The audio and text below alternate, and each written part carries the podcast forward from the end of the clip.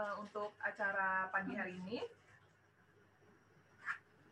Ya, jadi saya, pertama saya ucapkan terima kasih kepada Pak Ketut Artana karena sudah bersedia untuk hadir pada acara Arsitek Berbagi After Hours pada pagi hari ini di Prodi Arsitektur Fakultas Teknik dan Perencanaan Universitas Dewa.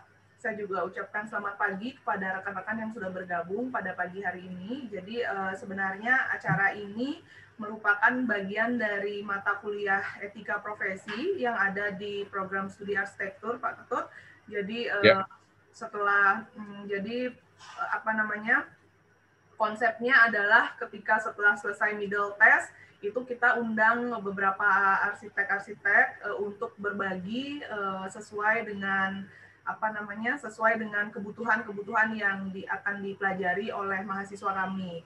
Nah, pada kesempatan pada kesempatan pagi hari ini, jadi uh, senang sekali Pak Ketut Artana dapat bergabung di sini dengan tema pada hari ini tanggung jawab terhadap pemberi tugas. Jadi uh, kita punya waktu cukup panjang, Pak. Uh, kalau misalkan di kelas dua jam tuh agak capek ngomongnya gitu. Tapi, Saya uh, bicara lima menit aja. Kalian nanya. Iya, jadi uh, sekaligus. Mangdi, selamat pagi. Oke, okay, Pak Mangdi udah join. Pagi-pagi, Pak Ted. Ya, Pak Mangde mungkin uh, bisa langsung membuka terlebih dahulu. Tadi saya sudah sempat ngomong sedikit sih. ya. Ya, ah, oke. Okay. Oke, okay, uh, terima kasih Bu Nur yang sudah uh, membuka acara pagi hari ini. Selamat pagi Pak Tut. Uh, terima kasih sekali ini Pak Tut ini salah satu uh, apa yang paling uh, selalu antusias kalau kami undang ke Warma Dewa dan kami tentu sangat uh, senang sekali karena antusias Pak Tut ini membuat uh, kami di Warma Dewa juga menjadi uh, semakin bersemangat gitu ya. Uh, jadi acara ini adalah uh, acara seri. Uh, sebetulnya kita membuatnya di dalam enam seri. Jadi setiap seri ada pengetahuan baru yang ingin kami gali dari para arsitek praktisi. Jadi yang pertama dua minggu yang lalu Mas Andi Rahman berbicara soal bagaimana caranya membentuk sebuah tim perencana yang solid. Bagaimana bahwa tim perencana itu harus saling memahami antara satu sama lain. Kemudian minggu lalu Popo Danes berbicara soal bagaimana tugas seorang arsitek terhadap lingkungan, terhadap uh, lingkungan alam dan lingkungan buatan yang sudah ada jauh sebelum si arsitek berpraktek di tempat di mana dia akan membangun. Jadi di situ ada prinsip-prinsip konservasi dan prinsip-prinsip heritage yang kita bahas. Nah hari ini uh, dengan Pak Ketut Artana uh, kita ingin uh, mendapatkan uh, gambaran uh, bagaimana sebetulnya Eh, sebagai seorang arsitek kita bekerja dengan klien. Kliennya pasti berbeda-beda, kemudian proyeknya pasti sangat beragam sekali. Pak Tut banyak sekali punya proyek dan pasti banyak sekali bertemu dengan jenis-jenis klien. Pasti ada banyak sekali uh, apa unsur negosiasi, unsur kesepakatan yang dijalani dalam setiap proyek yang sangat unik. Nah, kami ingin menggali soal itu, bagaimana seorang arsitek bisa uh, bertanggung jawab sekaligus barangkali juga ada sisi yang harus mengedukasi klien gitu. Nah nanti uh, setelah acara ini, setelah Pak uh, Pak Tut uh, Artana, nanti akan ada Pak Ketut Siandana bagaimana arsitek harus berpihak kepada masyarakat banyak, tidak hanya berpihak pada satu uh, golongan saja. Kemudian yang kelima akan ada using, nah ini arsitek dari Akanoma, uh, soal bagaimana arsitek harus mengadvokasi atau mengedepankan kepentingan masyarakat bawah. Nah, yang terakhir nanti akan ada Yoriantar uh, yang akan berbicara soal penghargaan terhadap uh, lokalitas.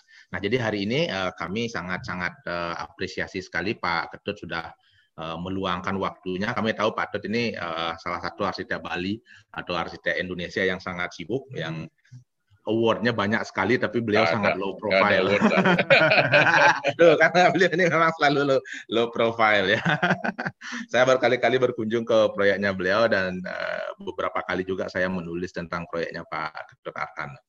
Nah, saya uh, sekali lagi mengucapkan terima kasih dan kepada uh, adik-adik mahasiswa Eh, dan juga kepada peserta ada beberapa peserta umum yang ikut bergabung kami persilakan untuk bergabung.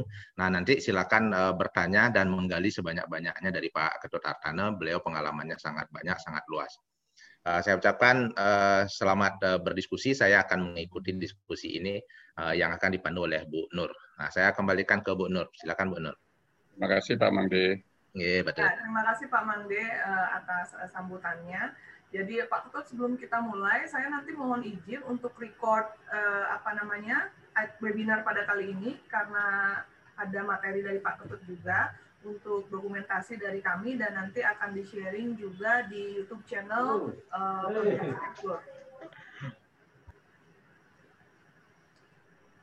Oke ya Pak ya? Enggak masalah, enggak masalah. ya, oke. Okay.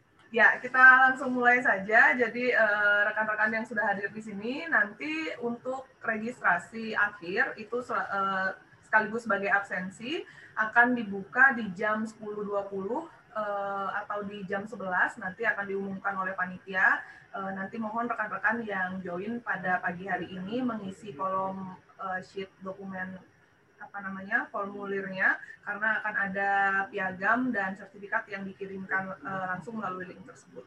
Ya, jadi kita mulai saja Pak Ketut. Uh, sebelum tadi sudah sempat ngobrol-ngobrol banyak, Pak Mangdi juga sudah sempat uh, memberi pengantar mengenai Pak Ketut Artane. Tapi tetap saya akan bacakan kurikulum vitae uh, dari Pak Ketut Artane. Jadi Pak Ketut Artane ini sudah malang melintang, jadi uh, senior sekali di dunia arsitektur.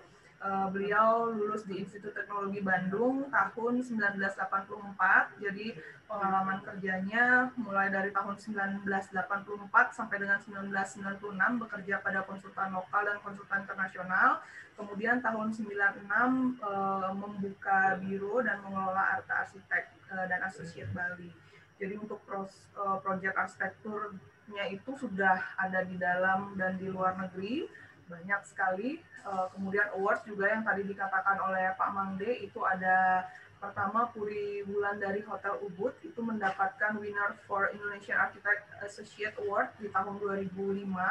Kemudian ada Puri Ahimsa uh, Five Element di Mambal Bali itu juga awardnya di tahun 2011 dari Ikatan Arsitek Indonesia kemudian tahun 2013 dari Arkasia untuk uh, resort building, kemudian uh, itu 2013 dapat dua award berarti ya Pak ya. Pertama untuk resort building, yang kedua untuk uh, sustainability.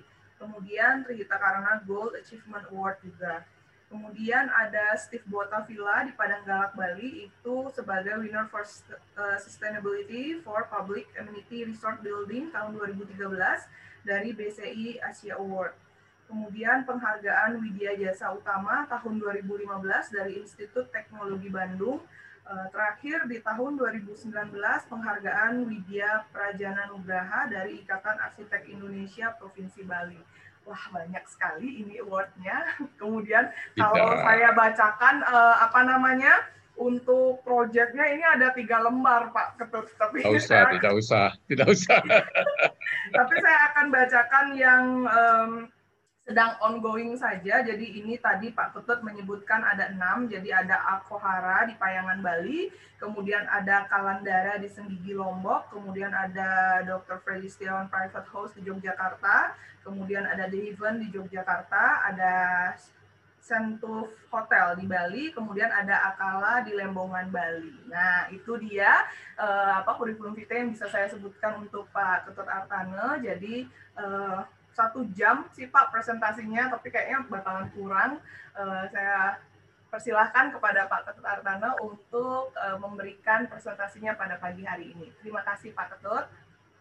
Uh, terima kasih. Uh, selamat pagi untuk semua, untuk adik-adik. Jadi terima kasih atas kesempatan yang diberikan.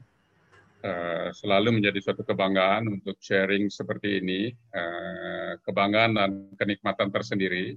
Saya salut kepada tim dari uh, dari Warma Dewa sudah melakukan terobosan-terobosan untuk berani dan mau mengundang para praktisi-praktisi untuk sharing pengalamannya ke kampus sehingga sangat memperkaya uh, adik-adik mahasiswa. Uh, sangat luar biasa, saya sangat apresiasi. Jadi saya pernah ngomong dengan Pak Mangdi bahwa kita punya keuntungan di sini begitu banyak arsitek-arsitek yang uh, baik tarafnya nasional maupun internasional berpraktis di Bali jadi setiap saat harus disempatkan untuk menculik mereka datang ke kampus sehingga uh, ada kesempatan satu dua jam untuk mendidik anak-anak ini. Jadi generasi ke depan dari uh, apa namanya uh, untuk di Bali arsitektur Bali dan untuk Indonesia sektor Indonesia. Dengan banyaknya sharing mungkin akan membantu mereka punya wawasan yang lebih luas.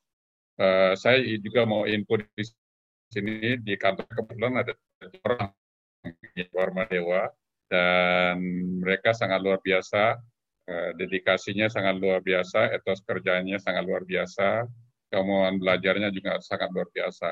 Jadi sebelumnya saya uh, agak kaget juga karena ya saya mungkin memandang sebelah mata dengan Warma Dewa, tapi setelah hampir lima enam tahun ada yang kerja dengan saya dan mereka sangat luar biasa itu ininya uh, jadi saya akan mulai jadi pertama adalah karena kalau materi yang diberikan ke saya kan hanya tanggung jawab kepada klien gitu.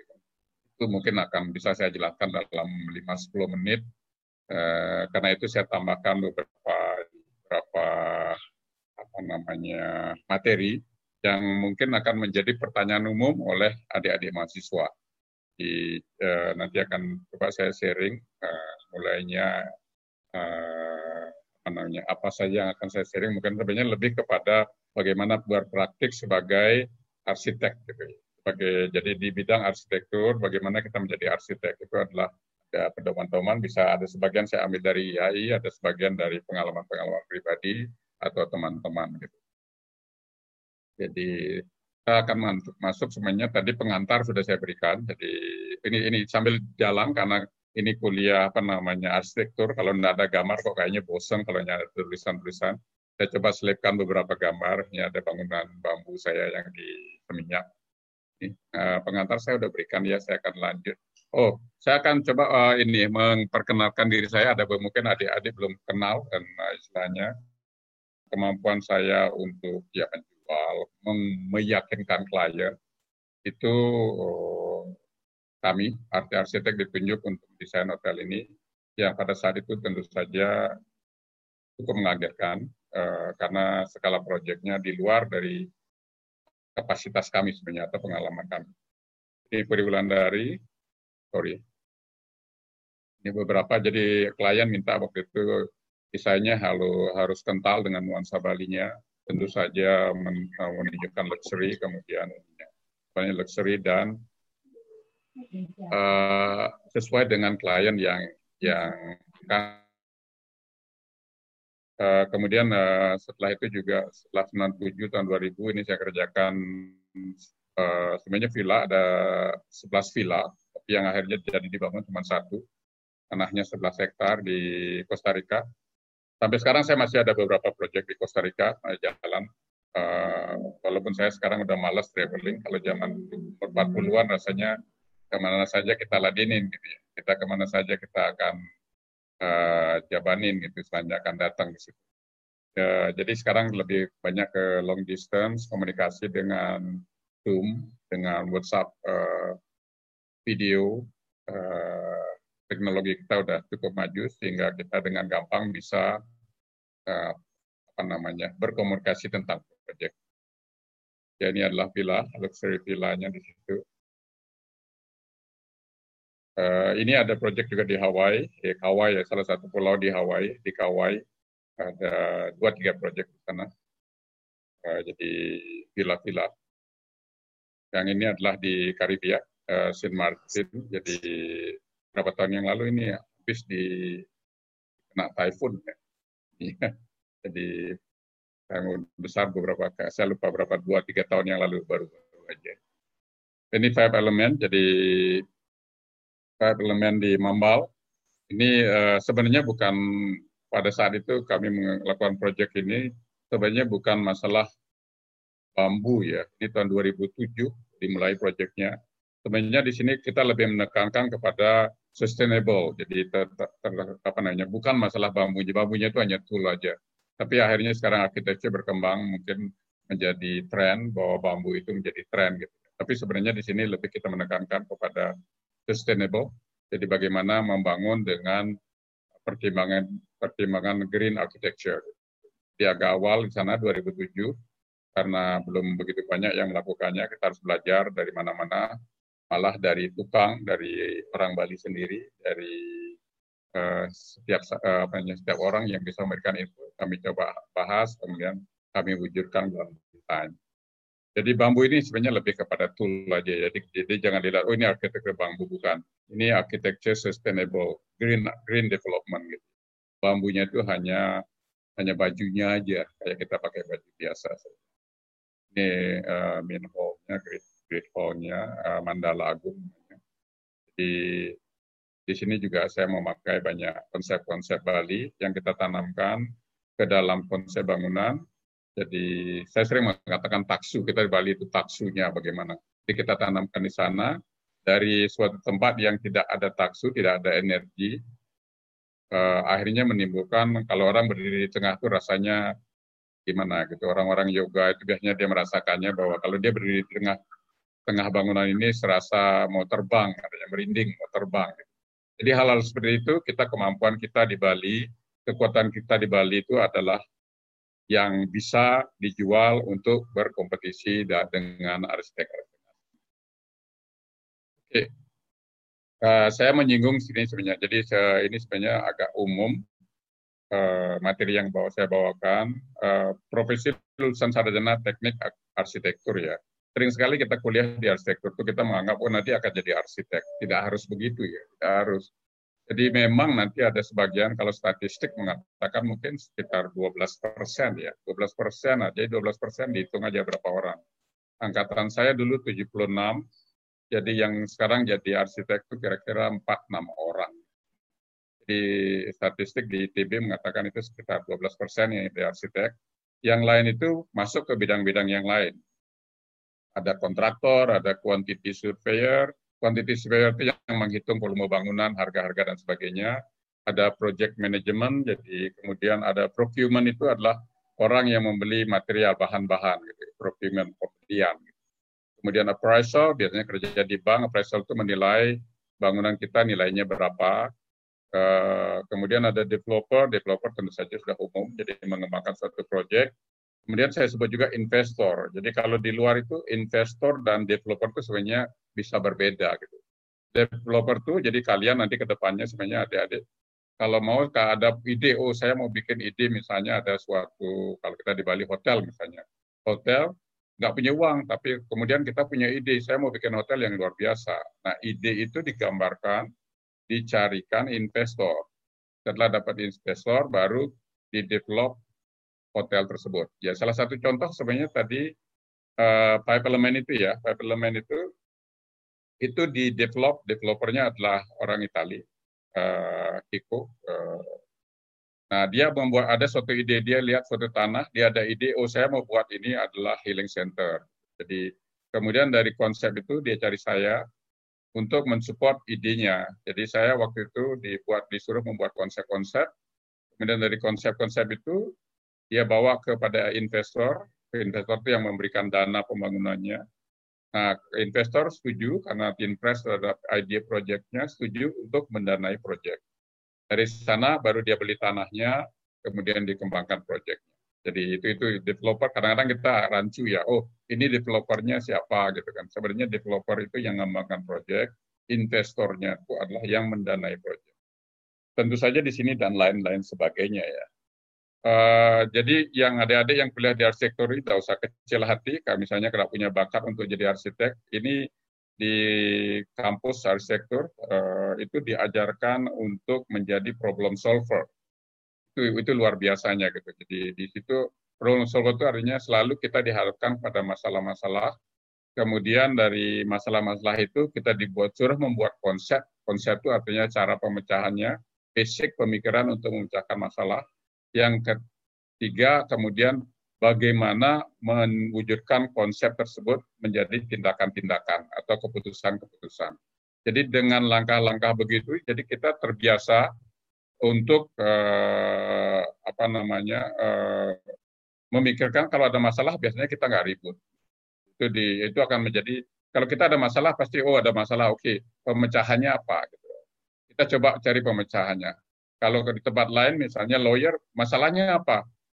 Ya kita lebih bikin sulit masalahnya itu sehingga mereka bisa bikin money misalnya gitu ya. Tapi kita di arsitektur tuh biasa selalu berpikir, oh ada masalah, oh pemecahannya apa? Ayo kita pecahkan. Ada juga orang melihat, oh ada masalah, justru yang menjadi sorotan itu adalah siapa yang membuat masalah. Jadi itu juga masalah, membuat masalahnya menjadi makin rumit. Kalau kita di arsitek, kuliah di arsitektur itu kita diajarkan untuk melihat masalah, kemudian dari masalah itu kita membuat konsep, konsep itu adalah pemikiran untuk memecahkan masalah, kemudian membuat keputusan-keputusan atau langkah-langkah bagaimana melakukan konsep tersebut. Jadi itu sebenarnya. Jadi nanti ke belakangnya kalau memang ada energi baru marahin yang buat masalah. Jadi seperti itu sebenarnya ininya pola berpikirnya. Jadi kalian beruntung yang kuliah di arsitektur. Uh, saya sendiri mungkin Pak Mangdi udah tahu dia bahwa saya sendiri juga arsitek, tetap menekuni arsitektur, arsitektur dengan sangat sangat intens. Kemudian saya juga bisnismen, jadi di, saya merasakan itu uh, kuliah saya di arsitektur membantu saya di dalam bisnis saya. Oke, selanjutnya uh, ini khusus untuk yang jadi arsitek.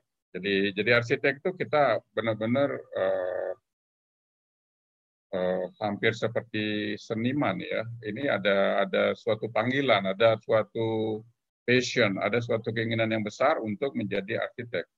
Di situ kita membaktikan diri kepada bidang perencanaan, perancangan, pengelolaan lingkungan binaan dengan segenap wawasan. Jadi tolong catat ini dengan segenap wawasan kepakaran atau kemampuan dan kecakapannya. Jadi kita mencoba memecahkan masalah-masalah lingkungan atau hunian atau apa namanya perancangan suatu tempat dengan semua wawasan, kepakaran dan kecakapan kita. E, jadi kita harus mengabdikan itu secara penuh. Jadi di sini tidak bisa hanya memang buat proyek itu hanya main-main sepintas saja, gitu, sekedarnya aja, gitu. Jadi uh, arsitek itu dalam berkarya itu selalu berusaha menerapkan profesionalisme yang tinggi. Jadi tidak usah, tidak profesionalisme harus dimengerti ya. Itu uh, perkataan yang cukup sering diucapkan tapi jarang dimengerti, harus dimengerti. Jadi profesionalisme yang tinggi disertai integritas. Integritas itu artinya bahwa kita melakukan proyek itu dengan sungguh-sungguh kemudian ada kepeloporannya untuk membuat sesuatu yang baru, mempersembahkan karya yang terbaik. Jadi setiap proyek itu jangan menganggap uh, staff saya juga di kantor selalu saya katakan kalau mereka punya proyek kecil, ah proyek kecil pak gitu. Jadi saya katakan tidak bisa. Proyek kecil, proyek besar itu sama. Kita harus memberikan integritas yang tinggi, kita harus memberikan karya yang terbaik. Nah, hal-hal seperti itu yang saya lakukan di awal, seperti saya katakan tadi, dengan eh, apa namanya sikap saya seperti itu kemauan saya untuk menerapkan apa namanya keseriusan saya dalam menangani proyek akhirnya saya dapat proyek triwulan dari itu itu itu itu sangat penting ya karena kita nggak bisa pura-pura di situ. Jadi di situ kita apa namanya akan terekspresi dalam sikap kita dalam meeting-meeting bagaimana kita mendengarkan apa namanya uh, klien Eh, nanti mereka akan bisa nilai, oh anak ini serius, oh anak ini hanya main-main, oh anak ini nggak mendengarkan saya, oh anak ini maunya sendiri dan sebagainya dan sebagainya. Itu akan akan merugikan nanti. Jadi di situ yang paling penting yang perlu ditanamkan itu adalah untuk jadi arsitek ini adalah sebenarnya semua bidang ya semua bidang tapi saya menekankan di sini sebagai uh, sebagai arsitek di situ ada passion passion itu artinya suatu keinginan yang besar saya saya di sini kok hidup mati saya di sini gitu jadi uh, dengan penuh jiwa melakukannya. Jadi uh, mungkin puputan melakukannya gitu ya kalau kita ada di Bali ya. Passion penuh. Jadi dengan passion ini kita bekerja sehingga kita tidak pernah rasa kita kerja sampai malam dan sebagainya itu nggak pernah ada rasa capek dan sebagainya. Besok pagi semangat lagi. Ada masalah stres sedikit, habis itu kita semangat lagi. Itu passion itu ya. Yang kedua adalah kemauan untuk terus belajar. Jadi belajar itu jangan berhenti, tidak harus nanti tamat kuliah. Oh saya udah tamat kuliah, udah jadi sarjana arsitektur, saya mau berhenti belajar aja, gitu nggak bisa. Karena ilmu ini terus berkembang, banyak sekali hal-hal yang kita pelajari. Saya juga masih belajar terus terang sama eh, anak-anak saya di kantor, masih muda-muda terus belajar, eh, lihat-lihat desain yang lain, kita coba pahami, kita terapkan dengan desain-desain kami. Kemudian yang ketiga tentu saja ini adalah uh, kerja keras, jadi work long hour, lembur adalah bagian dari profesi kita. uh, tidak hanya pada saat mahasiswa, mahasiswa nanti setelah kerja juga tetap lembur gitu. Lembur itu bagian dari hidup kita, kerja keras itu bagian dari hidup kita. Uh, untuk menangani lembur ini sebenarnya uh, ada triknya adalah kita mencoba untuk kepada dalam bekerja itu lebih kepada uh, produk oriented, bukan proses oriented. Gitu. Ya. Proses oriented itu sebenarnya kayak nenek kita dadong di rumah itu bikin atau nenek, ibu, mama bikin banten itu lebih kepada proses oriented. Mereka bikin sampian, bikin banten sambil nyanyi-nyanyi lagu Bali atau apa itu mereka menikmatinya. Proses itu dinikmati atau kadang-kadang tukang ukir di Ubud sambil ngukir dia nyanyi-nyanyi dan sebagainya itu adalah proses oriented. Kalau produk oriented, kita harus punya, oh ada suatu proyek ini saya akan selesaikan dalam waktu sekian hari, sekian bulan, dan sebagainya. Ada schedule yang ketat, dan kita harus capai itu. Jadi kita harus dalam peristiwa untuk menanganinya. Dengan begitu kita uh, bisa melihat bahwa bukan berarti kita buru-buru kemudian hasil kita jelek, tidak seperti itu. Jadi tetap aja hasilnya harus bagus. Kemudian yang terakhir tentu saja selalu bekerja profesional. Profesional itu banyak sekali nanti saya akan ceritakan juga ada ada kode etik kode etiknya di sana. Kita coba bekerja profesional, hadapi seseorang dengan sangat profesional. Jadi salah satu contoh misalnya, uh, oke okay, saya sekarang arsitek, sering sekali saya dipekerjakan, uh, disuruh untuk mengerjakan Pak kerjakan aja deh interiornya gitu, biar gampang saya komunikasi gitu. Saya selalu mencoba menolak, hampir tidak pernah mengerjakannya, kecuali benar-benar dipaksa dan minta tolong dan sebagainya. Tapi lebih banyak menolak karena buat saya itu melanggar profesionalisme saya. Saya arsitek, interior ada bagiannya. Interior, mechanical electrical ada bagiannya, structure ada bagiannya, kemudian juga landscape ada bagiannya. Mereka punya kemampuan masing-masing, dan saya tahu saya tidak mampu untuk melakukan itu semua. Mungkin mampu ya, mungkin mampu dengan pengalaman saya mampu. Tapi lebih pada orientasi kita kepada profesionalisme. Oke, uh, nomor empat, kemudian bagaimana mempersiapkan diri untuk menjadi arsitek. Itu tentu saja uh, yang menentukan seperti adik-adik sekarang menempuh pendidikan arsitektur, kemudian magang kepada arsitek yang berpengalaman, bisa sebagai drafter, junior architect, set architect, supervisor. Di sini uh, pada awal-awal harus diingat selalu kalau di tempat saya juga anak-anak muda yang baru masuk, saya katakan kamu mau kerja di sini? Ya gitu. E, kalau di sini mau kerja aja cari uang aja nggak usah gitu. nggak usah. Kita di sini mau di arsitek arsitek muda.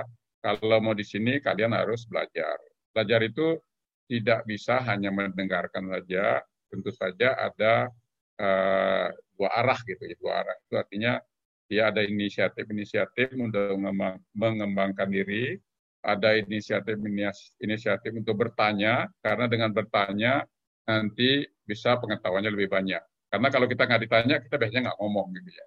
Ya nanti juga eh, saya juga di sini nanti silakan yang adik-adik yang mengikuti siapkan pertanyaan-pertanyaan eh, apa saja yang bisa saya jawab akan saya jawab yang tidak tentu saja akan saya tidak jawab. Kemudian saya C, eh, C itu saya sering sekali menyebutkannya itu adalah mencuri ilmu atau belajar dari arsitek lain. Kenapa saya katakan mencuri ilmu? Ini tuh sebenarnya arsitek-arsitek ini kebanyakan otaknya tuh ini apa namanya penuh dengan ide-ide, dengan hal-hal lain, dengan proyek, dengan sesuatu itu biasanya dia sibuk di otaknya. Jadi kita mencoba mencuri ilmu itu adalah dengan mendekati arsitek-arsitek senior pada saat acara acara IAI misalnya, Ikatan Arsitek Indonesia, arsitek-arsitek senior itu atau junior yang sudah cukup maju, dekati, ajak ngobrol, jangan dilihat aja. Oh nanti misalnya kayak tadi dibilang ada ada siapa namanya Yuri Antar datang. Yuri Antar dat, uh, ini nanti harus ditanya banyak-banyak itu. Itu itu adalah hal uh, ininya bagaimana kita belajar. Karena kalau kita nggak nggak tanya mereka nggak tahu apa yang harus saya berikan lagi gitu. Jadi karena kan karena pakai Zoom ya, kalau biasanya datang ke kampus harus dikerubutin, jangan dikasih pulang. Dulu saya pernah ada, ada anak uh, junior saya, arsitek dari Dayana, dua orang. Saya ajak ke Jakarta. Jadi di Jakarta ada ada uh, pertemuan arsitek-arsitek itu saya ajak sana. Kemudian saya amati dari jauh. Nah, ternyata dua orang ini cuma mojok berdua aja. Mereka ngobrol berdua aja. Akhirnya saya panggil. Kamu tuh ngapain? Saya bayarin Bapak itu tiket mahal-mahal ke sini cuma mau ngobrol berdua aja. Nanti ngobrol di Bali aja. Saya bilang itu. Kalian itu cari itu ada beberapa arsitek, ada orang-orang besar di sana. Tanya di sana. Tanya apa saja gitu. Nah, orang bertanya itu belum bukan berarti dia bodoh. Justru kalau kita banyak bertanya, eh, kita akan dia appreciate, oh orang ini punya potensi, ada sesuatu di orang ini. Begitu kalau kita banyak bertanya. Ya, kalau kita hanya dia dikasih tugas kerjakan, kerjakan tugas kerjakan, atau ketemu orang dia nah, itu orang nggak bisa menilai ini orang bodoh apa bagaimana gitu loh. Kalau saya sering mengatakan ini orang bodoh gitu karena dia saya nggak bisa baca dia gitu. Itu itu ininya. Kenapa saya katakan mencuri ilmu? Saya lakukan ini sebenarnya dulu waktu masih saya muda. Saya banyak bekerja dengan listrik asing di Nusa Dua. Jadi weekdays, jadi Sabtu sampai Jumat kerja, kemudian Sabtu, Senin sampai Jumat bekerja, Sabtu Minggu uh, kan libur itu saya tawarin mereka uh, siapa gitu. Uh, saya bilang mau nggak kamu mau lihat Bali nggak? Saya antar ke keliling Bali ya, saya antar gitu. Akhirnya waktu itu saya sewakan mobil, kemudian saya jadi sopirnya dia keliling lihat-lihat di Bali. Nah, pada saat di mobil itulah saya banyak bertanya. Jadi banyak bertanya, macam-macam saya tanya. Karena di sana dia suasananya rileks, dia menikmati istilahnya uh, uh, dia ada di situ gitu apa namanya itu adalah uh, apa namanya jadi ada di situ kalau diajak ngobrol dia ngomongannya banyak gitu jadi kita ngobrol banyak ini itu ini itu tentang architecture gitu. jadi seperti itu ininya Kemudian yang D uh, tentu saja bekerja pada perusahaan kontraktor atau perusahaan perusahaan project management. Ini kenapa saya kayak saya tulis di sini. Ya, sebenarnya nanti salah satu bagian pengalaman yang bagus itu adalah kalau kita punya pengalaman bekerja di kontraktor, proyeknya yang besar, yang bagus, yang gitu ya. Saya mengalami sendiri dulu kerja waktu proyek Lamed, kemudian tiga empat tahun itu bekerja untuk proyek Airport Ngurah Rai sebagai uh, soft drawing manager gitu, untuk memproduksi soft drawing. Jadi di situ saya punya pengalaman banyak sekali dari hal-hal yang tidak saya mengerti, akhirnya saya mengerti segi praktisnya. Perusahaan project management juga begitu, karena dia melihat ada masalah-masalah di lapangan, masalah gambar, masalah bagaimana memecahkannya. Jadi gambar itu tidak selalu bisa di eh, di lapangan, kemudian bagaimana memecahkannya. Itu adalah dasar-dasar eh, untuk bagaimana kita menjadi arsitek. Eh, jadi nanti kalau begitu selesai atau mulai sekarang coba nanti cari eh, apa namanya pengalaman-pengalaman ini makin banyak pengalaman makin siap untuk menjadi arsitek. Sering sekali begini ceritanya, sering sekali nanti adik-adik itu adalah misalnya dia uh, punya banyak teman, orang tuanya banyak teman, kemudian mulai baru tamat, bentar aja kerja setahun, itu kerja, kemudian bikin biru sendiri, mengerjakan rumah-rumah gitu kan. Dari segi materi, uang itu tidak masalah, pasti ada, bisa hidup lah, uang bisa hidup itu. Karena ada desain satu rumah udah sama dengan gaji satu tahun misalnya, gaji perusahaan satu tahun. Tapi permasalahannya adalah saya, punya istilah untuk ini nanti takutnya ke depannya anda menjadi mediocre. Mediocre itu artinya gitu, aja gitu.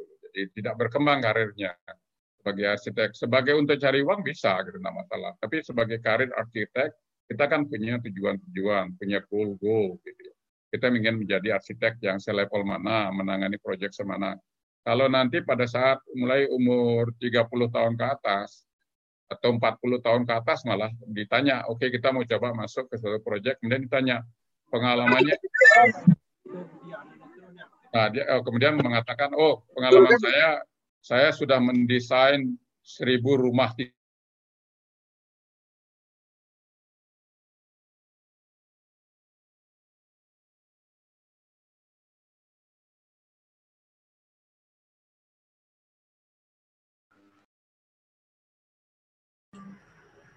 Pak Ketut, maaf, ini uh, apa namanya? uh, audionya ke mute Pak. Uh, speakernya, ya. Oke. Oke, bisa lanjut. Iya. Oke, jadi tadi saya lanjutkan. Jadi kalau pengalaman kita nggak, walaupun kita mengerjakan seribu rumah tinggal, kita nggak akan kita bisa bersaing dengan untuk proyek-proyek yang besar. Jadi kita harus punya pengalaman proyek yang besar, variasi proyek yang kecil, proyek yang besar, sehingga nanti pada saat kita dihadapi ada rezeki, tiba-tiba ada orang mau hire kita untuk proyek yang besar, uh, kita bisa. Gitu. Hati-hati, sering sekali orang yang punya proyek yang besar, uh, mungkin tidak besar, medium saja, sering sekali memakai anak muda. Tolong gambarkan gambar aja dulu ya, gitu. Jadi nanti kalau cocok saya pakai deh HGT-nya, gitu kan. Itu sering sekali berupa omong kosong, buang-buang waktu ya. Ya sudah hal, -hal seperti itu. Rasanya kita udah akan dapat proyek hotel 50 kamar misalnya gitu atau 100 kamar gitu Eh, begitu kita jalan kerja capek setengah mati, habis itu kita nggak dihiraukan. Jadi pengalaman seperti itu jangan sampai terjadi. Jadi itu yang perlu hati-hati. Jadi pengalaman dengan arsitek-arsitek lain itu memang sangat diperlukan. Sorry, saya malah tidak bisa. Oke. Okay. Uh, eh, kemudian uh, ini nanti ke depannya di situ sering sekali ke anak-anak adik-adik nanti uh, berpikir, oh saya setelah ini saya akan membuat biro arsitektur. Kan kantor konsultan arsitektur, nanti uangnya bisa lebih enak. Jadi yang paling penting jadi pemikiran di sini adalah, jadi saya menyebutkannya ada tiga pilar utama, jadi arsitek atau desainer yang punya kemampuan untuk mendesain. Kemudian yang kedua adalah job finder atau marketing, job finder istilahnya. Uh, yang ketiga adalah manajemen. Jadi tiga hal utama ini uh, harusnya ada di suatu perusahaan di kantor saya kebetulan ini jadi satu. Saya sendiri, saya arsitek, saya job finder-nya, saya juga membuat ngatur manajemennya. Tapi tidak tidak harus begitu ya, tidak harus begitu. Karena ini bisa uh, dipisah-pisahkan. Seorang yang punya kemampuan desain yang tinggi, yang luar biasa, tapi tidak bisa menjual, istilahnya dia harus bisa mencari partner yang punya kemampuan untuk menjual, mencari klien, punya koneksi, punya pergaulan yang luas.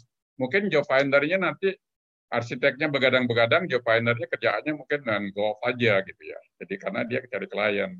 Terus terang ini terjadi di Amerika seperti itu. Jadi job finder-nya itu dia kerjanya main golf tiap hari, itu keluar kantor, arsiteknya ya udah sampai bongkok-bongkok begadang. Nah itulah kenyataan itu karena arsitek kebanyakan tidak bisa menjual, gitu, tidak bisa uh, jualan di situ ide-idenya bagaimana kita menggarap untuk klien agar bisa kita menjual ide-nya. Kemudian yang ketiga itu tentu manajemen. Manajemen ini kadang-kadang kita arsitek ini lebih kepada seniman, kita nggak menghargai ini, menghargai waktu, kita tidak menghargai uang, gitu, sering sekali.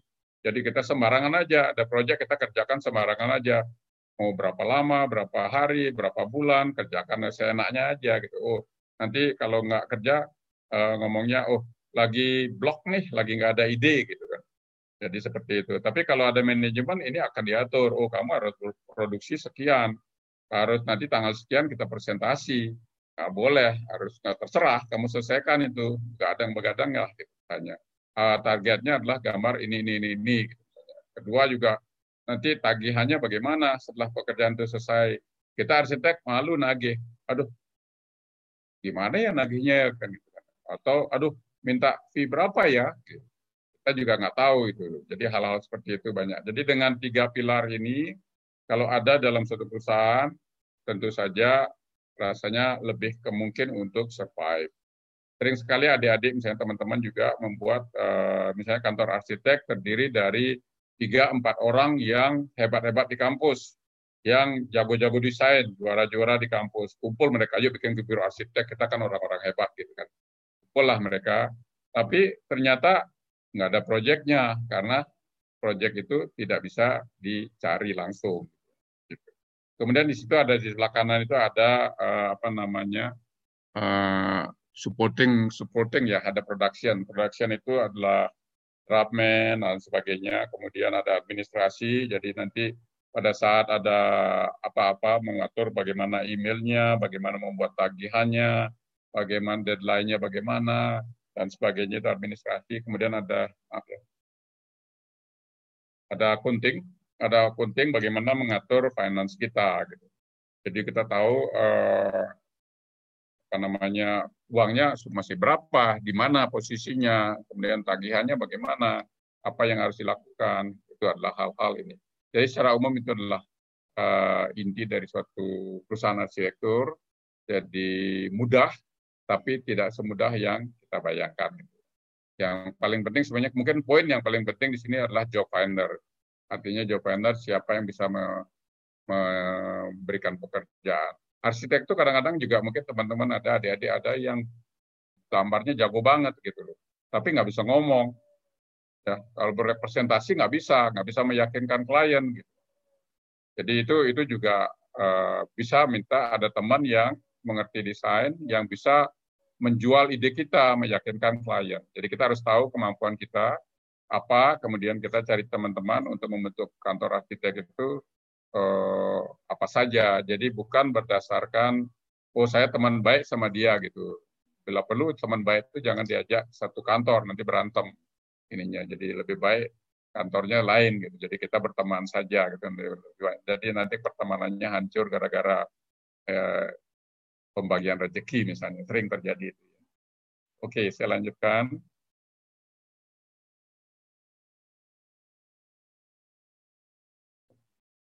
Kemudian bagaimana mendapatkan proyek? Ya tentu saja ini yang umum adalah tender, kemudian ada penunjukan. Saya sebut di sana ada klien baru, kemudian ada return klien. Jadi klien baru artinya datang, dia kontak kita, ketemu, ngobrol-ngobrol, cocok, oke okay, Anda kerjakan proyek saya, dan sebagainya. Kemudian ada return klien. Return klien itu juga bisa dua gitu istilahnya satu adalah klien yang lama itu karena kita bekerja bagus, ada proyek yang lain kita disuruh ngerjakan. Kemudian ada juga karena dia merekomend kita, oh pakai pakai Pak Ketut aja beres dah itu gitu kan. Kita direkomend oleh klien yang lama, kita mendapatkan klien baru. Saya anggap itu sebagai return klien. Kemudian tentu yang kedua, eh, yang ketiga adalah sayembara. Sayembara ini kan uh, seperti ibu kota baru gitu, jadi kayak di, Eh, proyek-proyek pemerintah banyak yang sayembara ya. Dan permasalahan dari kita di Indonesia ini sayembara, kita yang menang belum tentu kita yang ngerjakan proyeknya gitu. Sering sekali seperti itu karena mereka punya link-link sendiri untuk mengerjakan proyek tersebut. Uh, kemudian saya chat ini tulis dengan huruf merah ini adalah do your own project. Jadi do your own project ini sebenarnya saya pelajari waktu saya kuliah dulu tahun 70-an, 80-an. Jadi ada cerita di sana uh, ada arsitek, kalau nggak salah Killingsworth namanya. Jadi arsitek dari Hyatt Regency San Francisco. Jadi pada suatu saat dia punya klien untuk mendesain hotel, kemudian dia ada ide untuk membuat lobbynya itu berupa atrium besar, jadi tinggi besar gitu ya. Uh, sampai ke lantai atas. Di sini kayaknya Sol Paradiso seperti itu ya. Sol Paradiso yang di, di Tuban itu itu atriumnya besar, jadi lobbynya sampai ke uh, atap, jadi sampai ke lantai lima gitu, atrium seperti itu. Jadi koridor-koridor kelihatan dari lobby. Seperti itu akhirnya, tapi oleh kliennya diketawain gitu, ketawa. Jadi, waduh ini gila nih buang-buang duit. Siapa yang mau jadi bangun bikin bangunan seperti ini? Nah, karena dia sangat percaya kepada idenya, kemudian dia menjadi developer. Dia bangun itu sendiri dengan mencari investor, meyakinkan investor, ada berapa investor, kemudian uh, jadilah uh, proyek itu sekarang menjadi saat itu menjadi bangunan yang sangat terkenal. Jadi Hyatt Regency San Francisco uh, sudah lama saya ingin ke sana, baru dua tahun yang lalu uh, kesampaian saya ke sana. Jadi melihat itu uh, ini yang skandal dan hal itu yang saya tiru sebenarnya. Jadi banyak dari pemikiran saya, oh suatu saat saya akan menjadi to my own project. Do saya lakukan project saya sendiri. Jadi do your own project itu sebenarnya kan levelnya macam-macam, tidak harus hotel besar.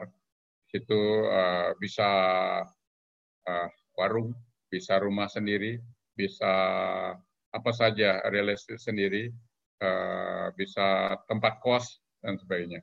Jadi dengan pemikiran-pemikiran membuat proyek itu jadi architect as a developer. Jadi uh, architect as a developer dan ada satu lagi architect as a developer and investor. Jadi itu.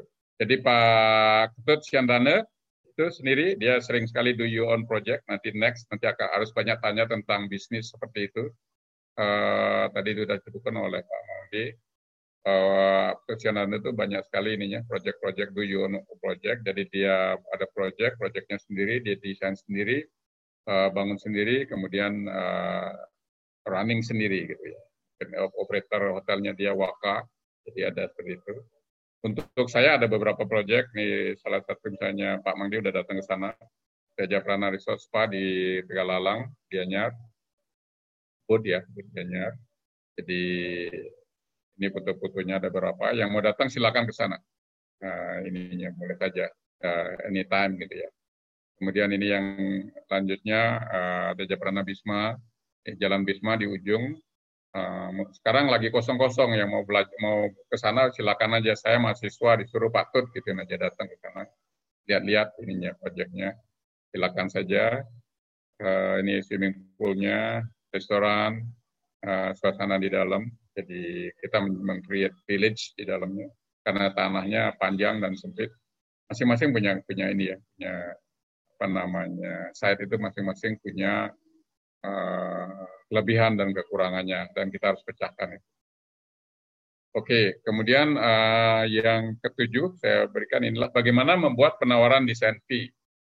Jadi isinya apa aja gitu penawaran desain. Jadi sebelum menggambar itu, sebelum kita mendesain, uh, saya kadang-kadang jarang, mungkin agak jarang sering di awal kita ajukan desain fee. Kadang-kadang karena klien sudah tahu saya ketemu dan banyak kan ada teman-teman mereka percaya dan kita percaya, kemudian kita udah buat konsep dulu, setuju, kemudian kita buat desain fee-nya, biasanya nggak akan lari, uh, walaupun cukup mahal, nggak akan lari, uh, apa namanya, karena mereka tahu dedikasi saya terhadap proyek.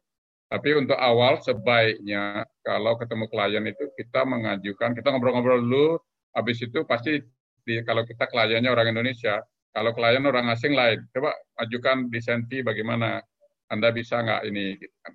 Uh, cost-nya berapa, dia akan tanya seperti itu. Tapi kalau klien Indonesia, nanti dia akan bilang, coba buat sketch-sketch dulu ya, uh, nanti bagaimana ininya, kalau saya cocok nanti kita lanjut deh, kalau enggak bagaimana gitu. Itu sangat menjebak sebenarnya. Nanti kalau kita berani agak sombong gitu, uh, udah mulai agak berapa tahun pengalaman gitu, kita mulai agak sombong, kita bilang, ayo kita sepakati dulu yuk kita kita bagaimana aturan kerja kita bagaimana. Kalau kita sepakat ayo lanjut. Biasanya saya akan ngomong begitu. Kalau tidak ya udah kita temenan aja deh. Jadi seperti itu ininya. Uh, ada beberapa klien yang kelihatannya agak tricky saya akan lakukan seperti itu. Tapi ada klien-klien yang kelihatannya sangat saya dipercaya saya bisa langsung buat konsep kemudian masukkan desain fee biasanya mereka nggak rewel. Jadi di isinya itu adalah pada siapa penawaran ditujukan, uh, proyek apa yang ditawar, kemudian jumlah penawaran kita minta berapa rupiah uh, untuk jasa kita, kemudian jangka waktu pengerjaannya harus disebutkan berapa lama, kemudian juga di sana ada lingkup pekerjaan yang termasuk dan tidak termasuk. Jadi kita masukkan di sana, oke okay, saya akan mengerjakan pekerjaan arsitektur saja, interior nanti tidak termasuk, landscape tidak termasuk, structure tidak termasuk, lighting designer tidak termasuk, kitchen designer tidak termasuk, atau misalnya kalau hotel, hotel operator tidak termasuk. Jadi ada beberapa, saya hanya kerja arsitektur aja. Gitu. Nah, kalau dari situ harganya berapa. Gitu. Kemudian ada cara pembayaran, kita punya tahap-tahapan nanti ada uh, konsep desain, desain development, uh, construction stage, kemudian pada saat nanti ada stage-stage-nya di belakang. Itu jadi cara pembayaran berdasarkan itu. Kalau nggak dibayar, diingatkan mereka. Uh, jadi kadang-kadang istilahnya kalau fee itu kan uang kita gitu, uang kita. Sering sekali mereka lupa itu uang kita gitu. Mereka menganggapnya oh ini uang klien gitu, minta-minta. Padahal enggak, kita yang kita minta adalah uang kita gitu. Kalau logikanya kan seperti itu. Kita udah bekerja kan uangnya uang kita, gitu. kita minta itu. Jadi biasanya agak sulit. Gitu. Uh, ya seperti itu uh, untuk desain. Kemudian nomor 8 acuan pengajuan jumlah desain. Di sini ada standar-standar ya. Kemudian ada standar desain dari IAI.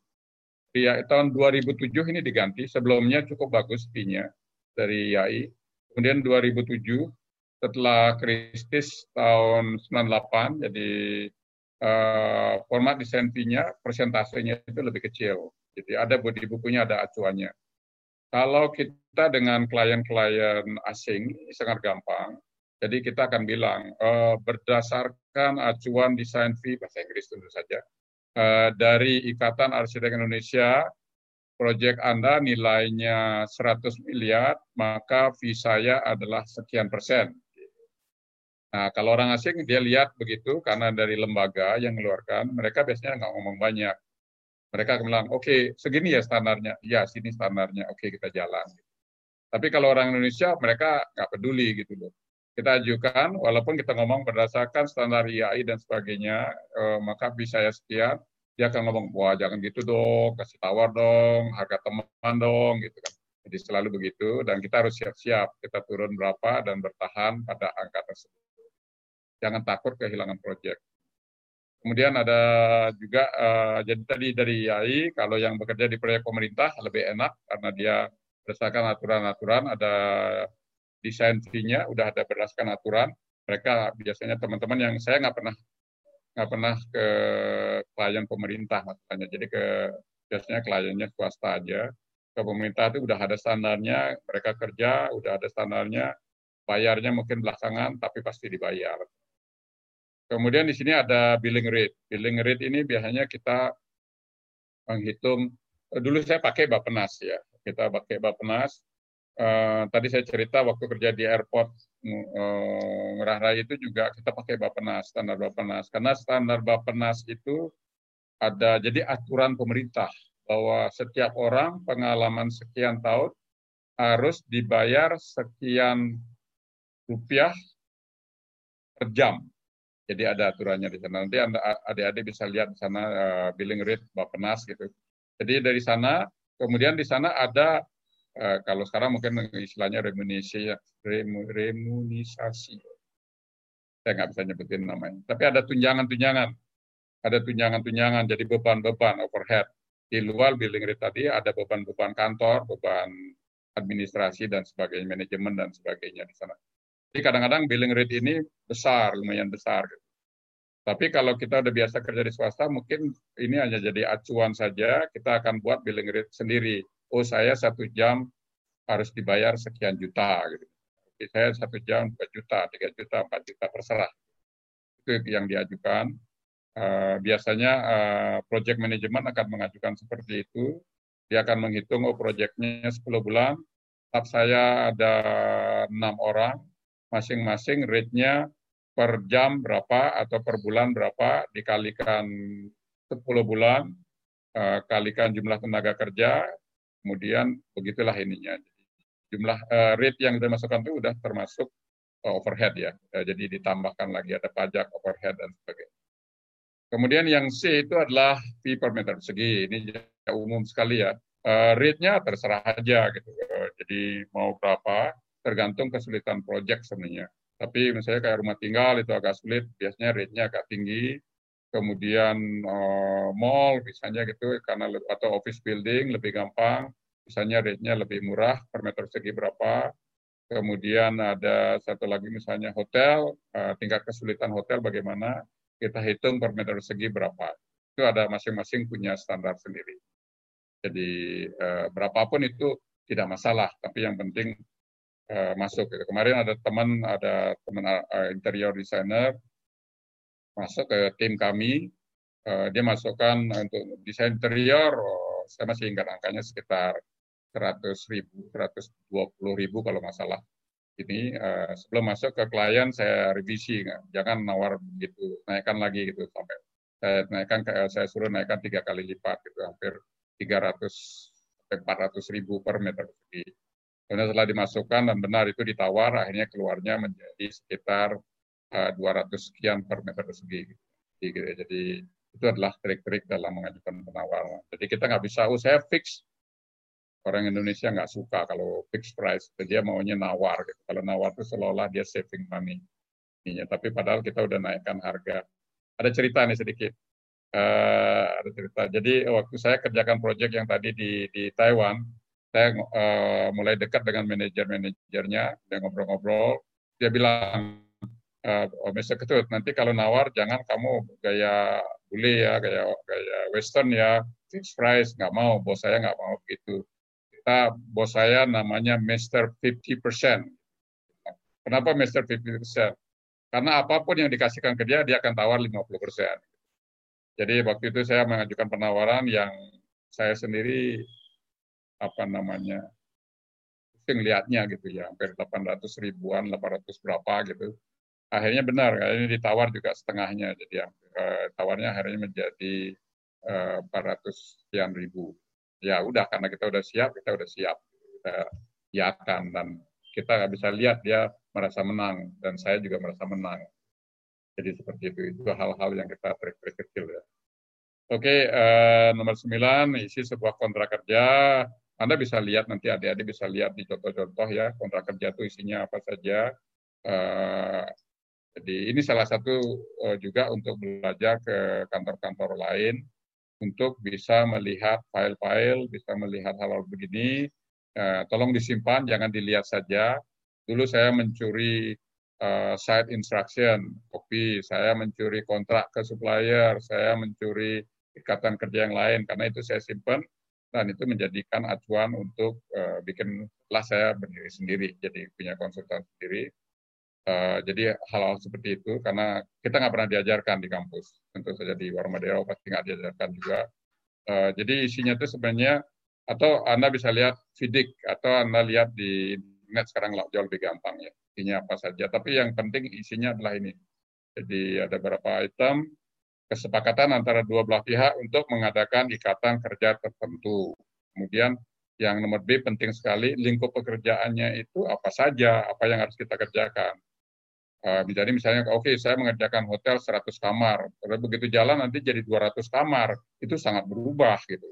Itu nggak bisa, jadi harus kita sebutin 100 kamar, ada ballroom, ada restorannya berapa, satu, dua, nanti restorannya jadi lima atau enam, bagaimana gitu. Jadi repot kita.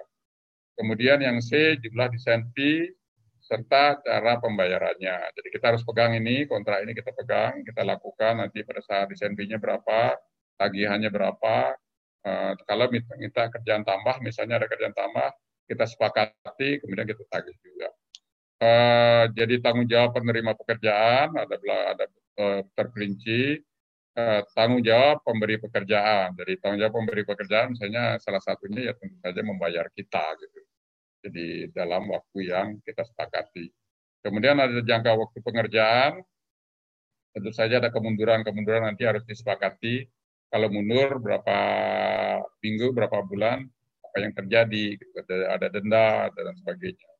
Ini G copyright. Copyright itu adalah hak karena ini arsitektur terhadap desain gitu ya. Jadi eh, apa namanya intellectual copyright sebenarnya intellectual copyright jadi hak cipta terhadap uh, desain kita karena uh, nanti ke depannya misalnya kita mau pakai foto-foto seperti yang saya sebarkan di di sini ada foto-foto nah bisa-bisa klien klaim kita oh itu kan proyek saya kok kamu pakai gitu bisa begitu gitu. jadi ini copyright disebutkan uh, bahwa intellectual property jadi kepemilikan intelektual terhadap desain kita tetap pada kita uh, project itu dia bisa pakai ininya. Itu juga kalau memang kalau lebih sadis lagi itu menghindari kita bikin project satu kemudian di copy paste untuk project-project yang lain gitu ya. Kita bisa klaim mereka itu. Kemudian ada post major. Post major itu kayak jadi sekarang uh, ada COVID, ada apa gitu kan, sebagai ada penyakit menular. Uh, itu biasanya disebutkan oleh pemerintah karena kondisi post major itu artinya di situ keadaan yang luar biasa kita nggak bisa bekerja gara-gara itu. Nah, karena tidak bisa bekerja, kita akan ajukan surat, ini ada force major, pekerjaan kita stop. Gimana kita duduk sama-sama, kita putuskan uh, ininya, uh, apa namanya, apa yang harus dilakukan. Kemudian ada uh, pemutusan dan selesainya kontrak. Saja setelah selesai, kita kirim surat, kontrak saya sudah selesai, terima kasih, dan sebagainya. Uh, kemudian yang J itu ada penyelesaian perkara. Biasanya kita nggak sampai ke pengadilan ya. Biasanya hanya sampai arbitrase. Arbitrase itu hanya kayak apa ya uh, arbitrase. Jadi kita datang ada arbitrase misalnya di pengadilan negeri. Di sana kita duduk, saat kita klien, kemudian ada satu penengah, kita ngomongin uh, kayak mau damai gitulah. Jadi kita oh ini masalahnya begini-begini, cari jalan tengah, uh, disepakati, kita selesaikan. Misalnya kita nggak dibayar gitu. Uh, atau ternyata pekerjaannya bertambah-tambah atau pekerjaannya bertahun-tahun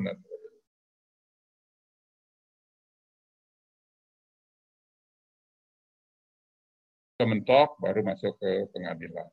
Yang penutupnya tentu saja tanda tangan dari kedua pihak. Uh, sorry, oh ya, oke. Okay. Uh, ya proses pengajuan proyek di situ ada pertama adalah tahap lingkup pekerjaan arsitek. Ini sudah sering mungkin di, diceritakan di kampus. Uh, di situ ada desain konsep, ada skematik, kemudian ada desain konsep, ada skematik desain, yang kedua adalah desain development. Kalau yang pertama sudah disetujui, kita masuk ke desain development. Desain development itu mulai dari konsep tersebut yang masih kasar, tidak harus presisi. Kemudian kita masuk ke desain development, kita masuk ke dalam lebih detail-detail lagi dari proyek tersebut. Kemudian ada tender drawing, tender dokumen, itu gambar-gambar kerja, detail-detail lebih teliti agar bisa dilakukan di lapangan.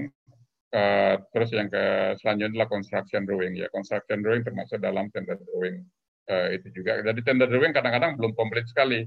Kita biasanya ikutin project, jadi tender drawing agar mereka bisa hitung, kemudian di uh, tenderkan. Gitu. Dari sana kemudian kita buat construction drawing. Kita ikutin projectnya, oh ini belum ada gambarnya bagaimana, oh ini belum ada, kita ikutin di sana.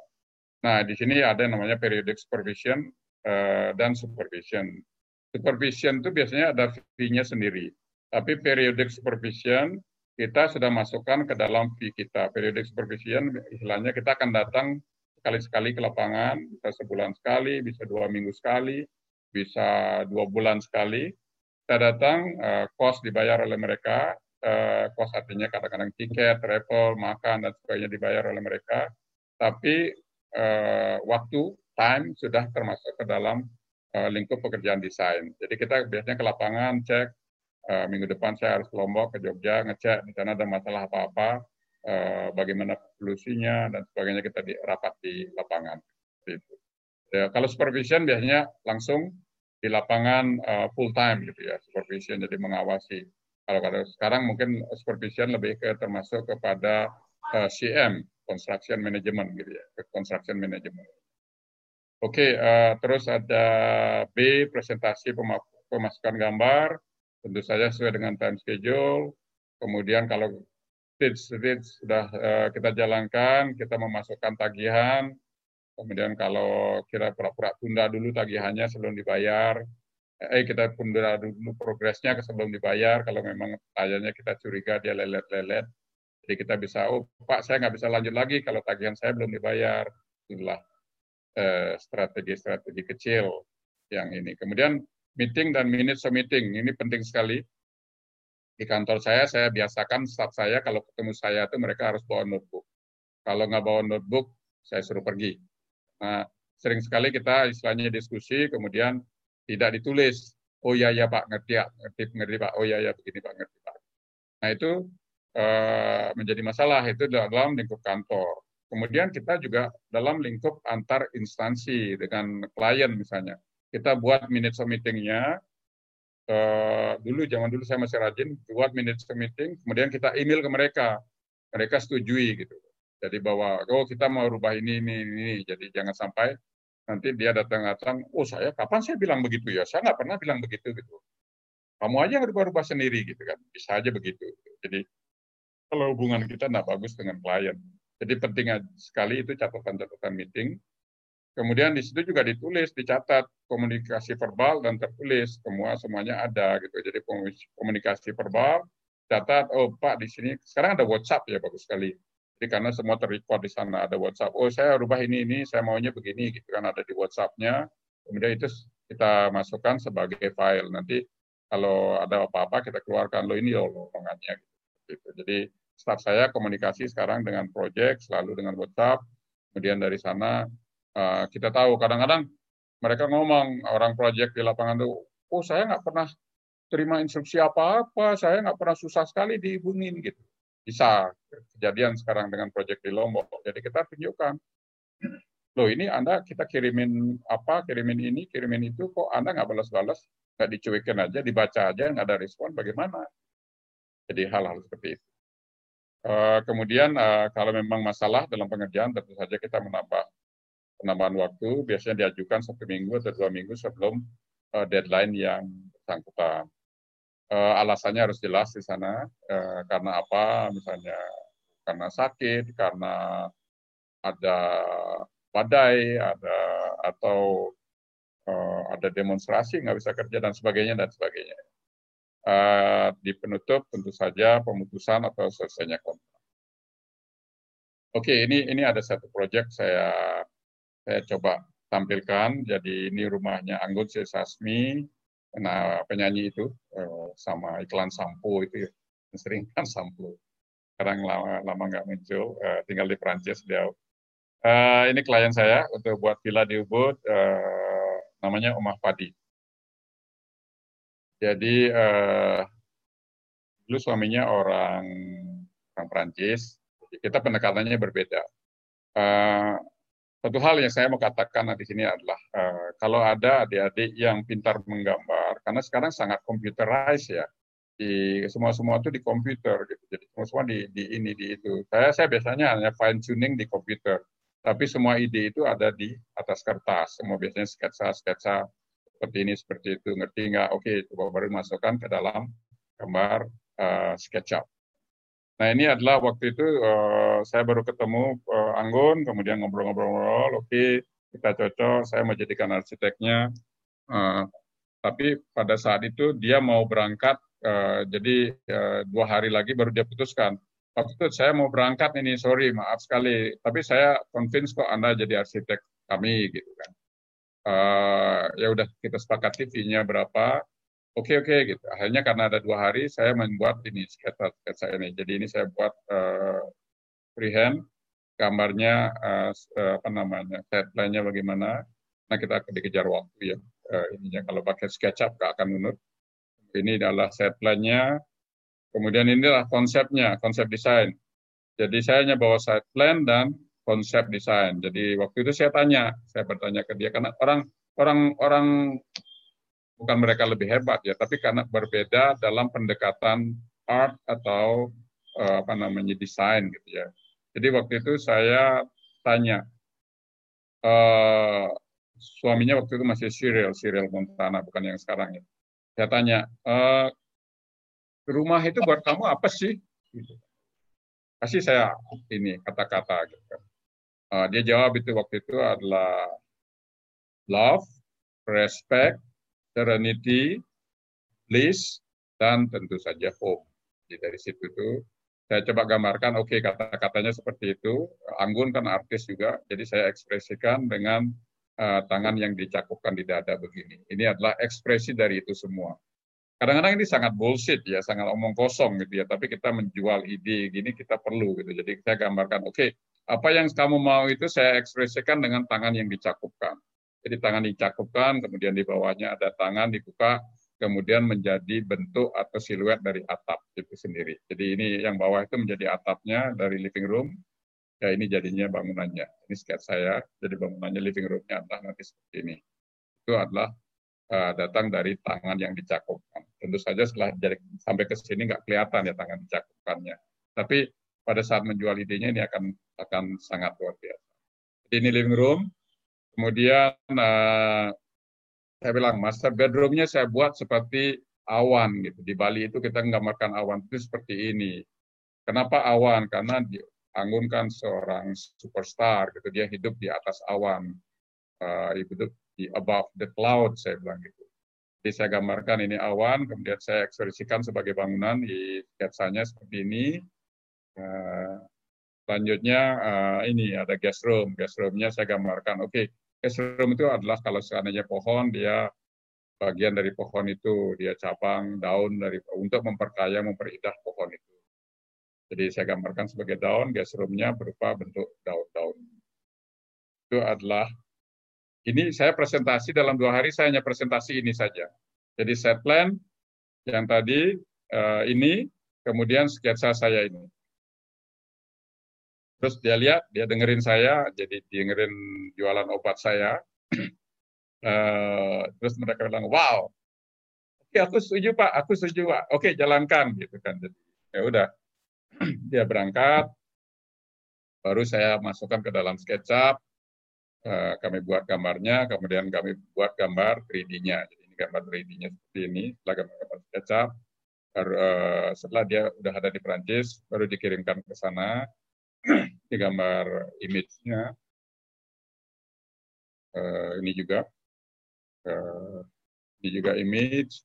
Kemudian ini jadinya, jadi ini jadinya uh, ada sawah, ada bangunannya. Eh, di belakang living room-nya kelihatan sedikit. Ada sebelah kanan master bedroom. Uh, ini dari dekat jadi master bedroom-nya. uh, ada catatan di sini sebenarnya begini, ada catatan di sini bahwa kadang-kadang kita bekerja, kita sering sekali, oh desain saya mau minimalis gitu kan, modern, sangat modern, minimalis. Orang asing itu belum tentu mau. Justru mereka kita yang kita jual itu adalah apa yang mereka nggak punya. Jadi mereka ini ada bangunannya sangat sangat apa namanya rustic, sangat tradisional, sangat blended dengan alam, uh, seperti itu. Jadi hal-hal begitu yang mereka nggak punya kita bisa jual ini. Jadi ini ini dining roomnya, ada one piece kayu itu, itu hadiah saya sebenarnya kayu itu. Jadi langsung living roomnya, tamannya di sebenarnya di sebelah kanan ini bisa masuk dalam living room. Jadi mereka di ada living room tapi juga merasa di luar bangunan. Punya dari kelihatan dari, dari tempat duduknya lebih jelas. Ini kitchen dan dining room. Oke, sekarang yang diminta adalah uh, uh, ini banyak tulisan juga di sini nanti uh, tanggung jawab arsitek kepada pemberi tugas. Jadi sebenarnya tanggung jawab ini tentu saja saya nggak bisa karang-karang. Kita ada Ikatan Arsitek Indonesia uh, yang memberikan kaidah-kaidah, memberikan acuan-acuan untuk memberikan acuan bagaimana bersikap atau uh, menjadi arsitek. Jadi, tanggung jawab arsitek kepada pemberi tugas saya akan uh, apa namanya ambil sebenarnya dua aja dari ada lima ini. Jadi kewajiban terhadap masyarakat, kewajiban kepada pengguna jasa. Jadi akan saya jelaskan kenapa kewajiban terhadap masyarakat saya mau bahas. Karena kita sebagai arsitek tanggung jawab kita tidak hanya kepada pengguna jasa, pemberi tugas. Kita punya tanggung jawab juga terhadap masyarakat. Jadi masyarakat karena bangunan kita nanti akan ada di masyarakat. Jadi kita punya tanggung jawab terhadap masyarakat. Itu ininya. Jadi ada dua, uh, jadi kaidah dasar dua, kaidah dasar tiga. Jadi ini ada di bukunya ya, kaidah tata laku profesi arsitek, kode etik arsitek, dan kaidah tata laku profesi arsitek yang direvisi tahun 2007. Ada beberapa hal yang direvisi. Jadi kalau di sini misalnya ada uh, yang saya lihat itu adalah misalnya adalah kalau dulu buku yang sebelumnya yang dibuat oleh senior senior saya itu uh, arsitek tidak boleh mempromosikan diri, gitu. tidak boleh artinya membuat reklame. Jadi tapi dunia sudah berubah. Kita ada homepage, kita ada uh, web dan sebagainya. Kita harus pasang di web itu kan mempromosikan diri. Tapi ada dibuat berubah itu kemudian boleh mempromosikan diri tapi tidak boleh berbohong misalnya ada nanti saya sebutkan. Jadi ini nanti bisa dibaca, selanjutnya ada beberapa hal yang saya bahas di sini adalah yang saya, saya tandai biru ya. Jadi eh, arsitek itu wajib menjunjung tinggi tatanan hukum dan peraturan eh, dalam menjalankan kegiatan profesinya. Jadi jangan harus berusaha, jangan mencoba melanggar-langgar hukum. Misalnya kita, oh bangunannya sekian kita langgar gitu, kemudian karena eh, apa-apa kok, boleh kok. Gitu. Jadi kita harus mencoba untuk berada di uh, mengikuti apa yang memang menjadi aturan-aturan. Sempadan misalnya 20 meter, kita coba taati. Tapi nanti klien akan oh, nggak mau 20 meter, kita 15 meter aja, nanti saya bayar deh. gitu. Tapi kita sebagai ini mencoba mengingatkan. Gitu. Nanti jangan sampai risiko-risiko ada pada kita. Kemudian yang pecahan dari sini kaedah tata laku 211 ya 21 lah kita anggap. Dalam menjalankan kegiatan profesinya, arsitek mematuhi hukum, tetap tunduk pada kode etik dan kaedah tata laku profesi yang berlaku di Indonesia dan di negara-negara mereka bekerja. Jadi kita kalau kita kalau saya bekerja di tempat lain di Taiwan, di Costa Rica, di mana karena saya nggak punya license di sana, jadi saya di sana akhirnya menjadi desainer gitu loh. Jadi desainer bukan arsitek. Kemudian nanti kita ada partner arsitek lokal di sana yang mengembangkan desain saya, kemudian dari sana mencari izin-izin dan sebagainya. Saya berdiri sebagai desainer yang memberikan ide-ide, memberikan konsep-konsep, sampai sebenarnya gambar-gambar detail. Tapi mereka akan kembangkan lagi di sana agar sesuai dengan aturan-aturan setempat. Selanjutnya, eh, nah ini yang saya katakan tadi, arsitek tidak akan mempromosikan dirinya atau jasa profesionalnya secara menyesatkan atau menipu. Jadi misalnya baru dulu sudah katakan, oh saya yang desain Grand Hyatt misalnya gitu kan. Grand Hyatt itu mungkin di, di, dibuat sebelum kalian lahir gitu kan. Jadi itu itu sangat menyesatkan gitu. Oh saya sering sekali saya ketemu ketemu orang itu klien gitu gitu tiba-tiba loh bapak baru kita ajak ke proyek saya gitu kan oh bapak yang desain ini ya tadi ada tim misalnya kayak Bisma 8 ya di Jalan Bisma. Bisma 8 kita yang mendesain itu. Jadi pada suatu saat saya bawa klien ke sana. Loh ini saya diajak lagi sama tim arsitek lain. Katanya mereka yang desain. Ya saya ketawa aja. Ya tanya klien deh gitu. Tanya yang punya deh siapa yang desain. Ya kalau ada orang ngaku-ngaku ya silahkan aja saya ya seperti itu ininya sering sekali begitu jadi jangan sampai seperti itu. Jadi jangan sampai mengatakan yang tidak sebenarnya. Kemudian yang situ bisa uh, yang nomor tiga itu silakan baca. Nomor empat eh, dua satu empat arsitek tidak dibenarkan menjanjikan atau memberikan uang atau pemberian lain kepada seseorang atau pihak tertentu untuk bertujuan memproyek proyek yang diminati. Jadi kita bilang, oh kasih, tolong dong saya dikasih proyek itu nanti saya bayar 10 persen, saya bayar 30 persen, mungkin begitu. Itu sebenarnya tidak boleh. Tapi kalau Anda lakukan itu ya silahkan, itu tergantung moral kita ya. Jadi oh, kita kerjasama sama orang dalam, kita minta ini dan sebagainya. Itu moral aja sih masalah moral. Di dalam IAI tidak dibolehkan. Uh, apabila dalam proses, uh, proses pengerjaan proyek, jadi kita arsitek tahu bahwa klien nyerempet-nyerempet, tadi saya katakan misalnya, oh saya nggak mau nih sempadannya 20 meter, saya mau 15 meter aja gitu, atau bangun tinggi bangunannya segini, segini dan sebagainya. Saya nggak mau begini, saya maunya begini, biarin aja deh, nanti saya bayar dan sebagainya ya kita wajib untuk mengingatkan bahwa itu melanggar aturan-aturan yang ada. Kemudian eh, agar mereka mempertimbangkan kembali keputusannya. Kalau lebih ekstrim lagi, misalnya, eh, oh saya nggak mau ngerjakan itu, saya menolak nggak mau. Kalau begitu saya nggak mau, misalnya. Atau sebenarnya ada yang ketiga di sini adalah mencari solusi untuk permasalahan tersebut. Bagaimana?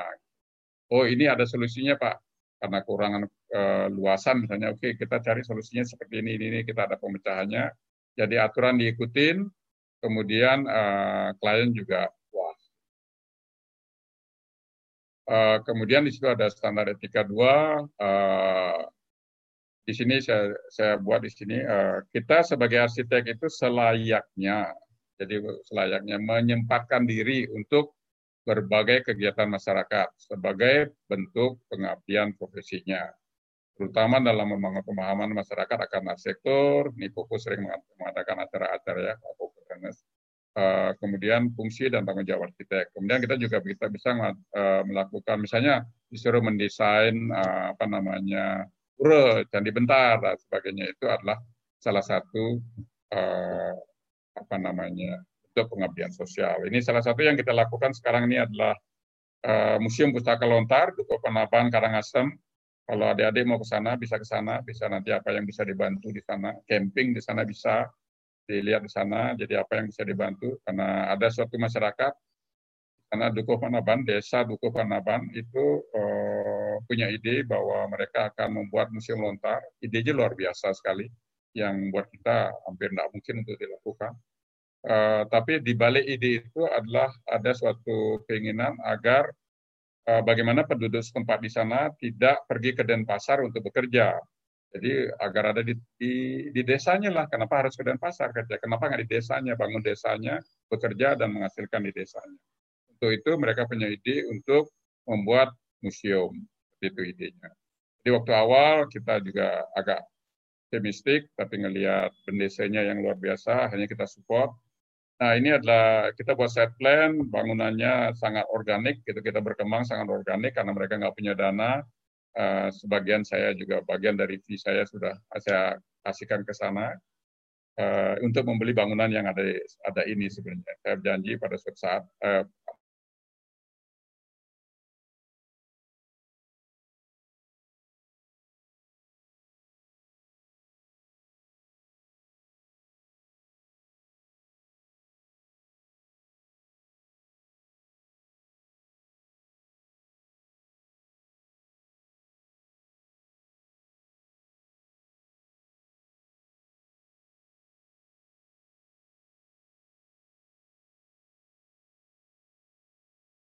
atau 60-an kalau nggak salah 60-an. Jadi ini mau dirobohkan, kemudian akan dibangun Balai Banjar baru. Saya kebetulan tahu kabarnya, akhirnya uh, kita berusaha menyelamatkan ininya. Saya beli barang, oke sebagai barang bekas saya beli, saya akan bawa ke uh, Desa Penaban sebagai salah satu bangunan.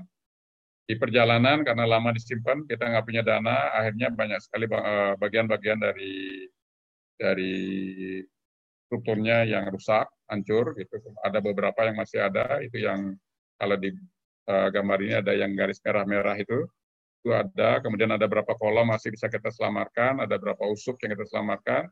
Kita bangun kembali uh, seperti aslinya. Jadi kita bangun, dibantu oleh uh, sebenarnya anak-anak yang dari Warma Dewa yang kerja sama saya. Jadi kita nggak memasukkan ide kita di sini, kita hanya menaruh semua desain original seperti yang ada di tempat aslinya. Ini adalah pengabdian sosial kami. Jadi itu adalah penting ya. Jadi tidak harus kita cari uang saja, karena ini sebelah. Walaupun tidak ada uangnya, justru membuat uh, suatu kepuasan tersendiri. Kemudian yang yang intinya adalah kewajiban kepada pengguna jasa. Ya. Jadi di sini selalu uh, arsitek selalu menunaikan penugasan dari pengguna jasa dengan seluruh kecakapan dan kepakarannya dan secara profesional menjaga kemandirian berpikir. Kemandirian berpikir itu artinya kita tidak harus dipengaruhi, oh buatkan saya begini, buatkan saya. Kita harus punya ide-ide, kemudian kebebasan bersikap. Karena karena kita punya ide, nanti klien punya ide juga, kita bisa gabungkan, kita bisa ambil sarinya, kemudian kita buat sesuai uh, ide kita. Dia punya ide A, kita akan twist menjadi A aksen misalnya, A apa, A3, A4 misalnya.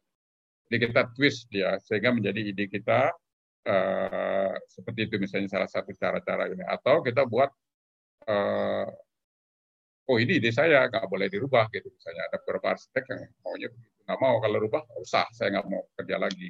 Ada yang begitu ada saya termasuk yang kompromis ide-ide kita ini kan kita apa nama uh, kita ide-idenya kita apa namanya kita gabungkan kita menjadi tapi tetap adian kita yang memutuskan.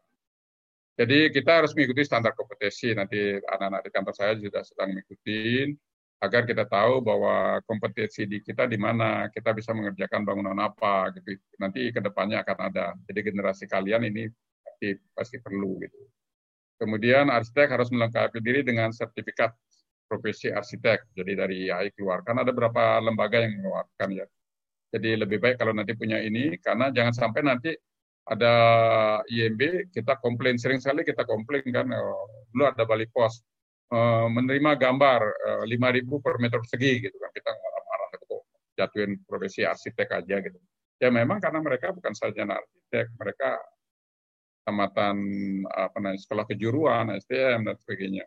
Mereka hanya mengerjakan gambar-gambar berdasarkan itu. Jadi dengan adanya sertifikasi ini akan melindungi profesi kita. Sama dengan dokter, misalnya kalau dia seorang balian dukun, nggak boleh bersikap sebagai dokter karena dia tidak punya sertifikat. Atau orang yang berpendidikan kedokteran tapi dia nggak punya sertifikat juga tidak boleh. Gitu. Itu adalah seperti itu. Kita menuju ke sana. Uh, jadi ini agak berat kadang-kadang. Uh, jadi arsitek hanya menerima penunjukan akan suatu pekerjaan jika ia mempunyai kualifikasi dan meyakini memiliki cukup kemampuan untuk mengerjakan proyek tersebut. Sering sekali kita dapat proyek, ah proyek ini kita ambil aja lah. Nanti kita pelajarin lagi, kemudian nanti nggak tahu deh, eh, kita coba aja gitu kan. Biasanya begitu. Tapi lebih baik kalau kita merasa mampu, kita kerjakan. Misalnya kalau saya sekarang dikasih Pak Ketua tolong kerjakan hospital gitu, saya nggak mampu, mau gitu, nggak mau ininya membuat hospital uh, karena kita nggak mampu. Seperti itu. Atau proyek-proyek yang sangat spesifik, misalnya ada uh, apa ya jadi mungkin office building kita juga nggak mau karena nggak nggak tahu. Sekarang kita kerjakan ada satu mall. Karena dari awal kita kerjakan dan tak terlalu luas. Kalau luas kita nggak mau ambil.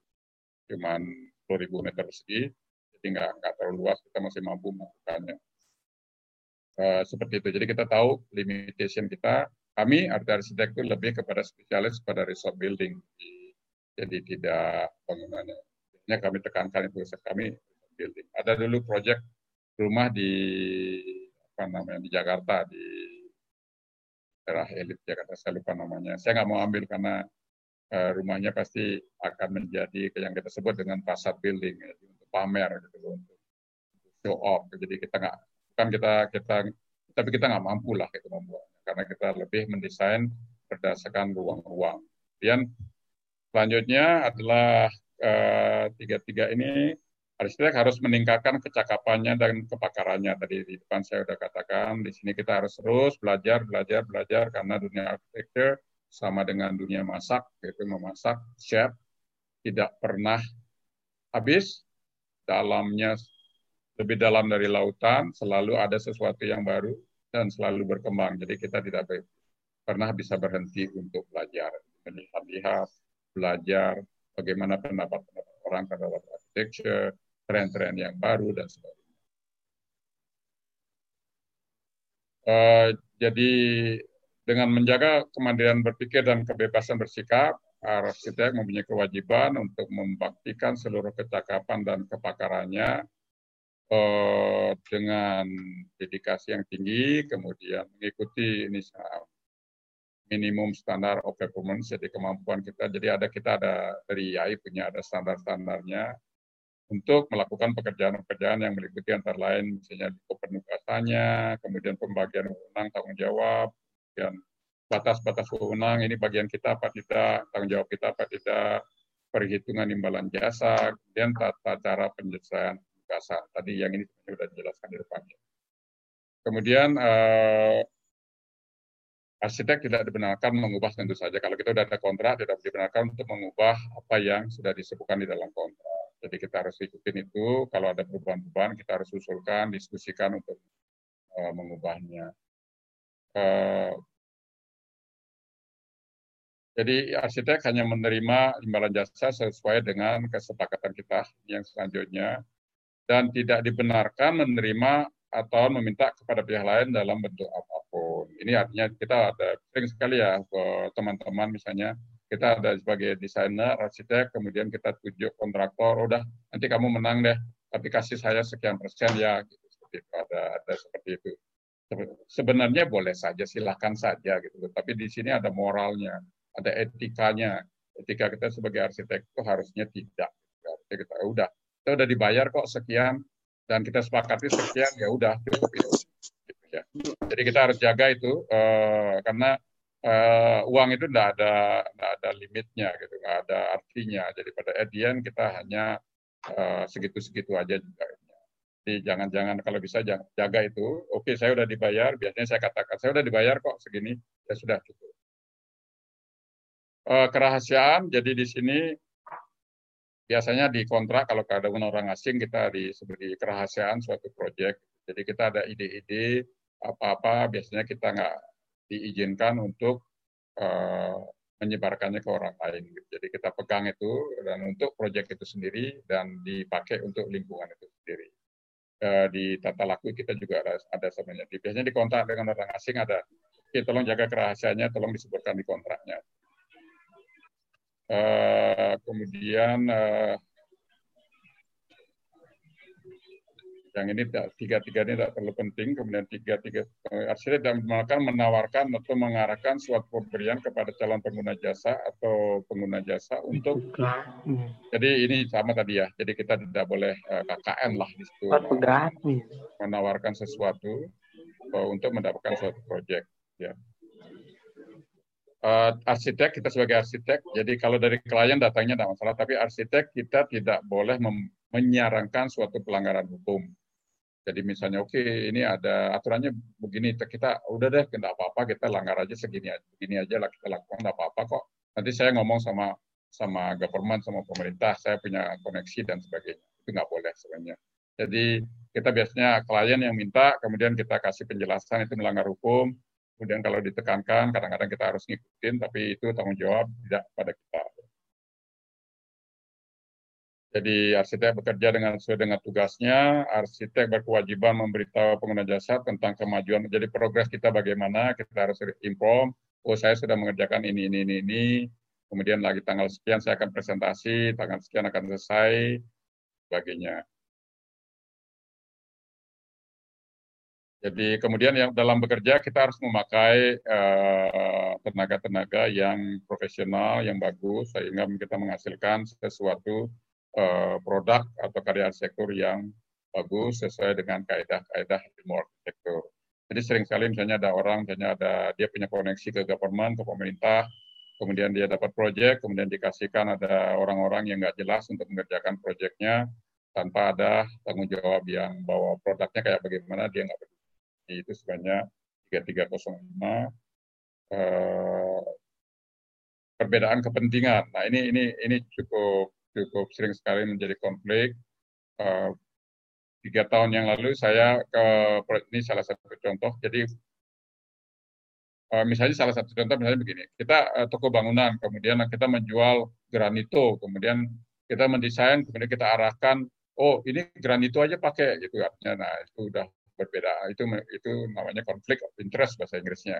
Jadi perbedaan kepentingan karena saya ya itu tiga tahun yang lalu mendesain saya disuruh oleh klien waktu itu saya mendesain Bisma 8 kemudian mereka mau membangun Bisma, Bisma Garden nih saya ditarik Pak Ketua tolong nih tolong didesainkan gitu kan desain ini ini ini dan saya bilang kebetulan saya ada punya proyek pas di, di depannya saya bilang Pak Pak Surya sorry aja saya nggak bisa kerjakan ini uh, karena ternyata proyek saya pas di depan Anda jadi saya ada konflik of interest lah di sana jadi nggak enak saya itu jadi kita nggak kerjakan, tapi pada saat proyeknya berjalan, saya dipanggil untuk lihat beberapa kali.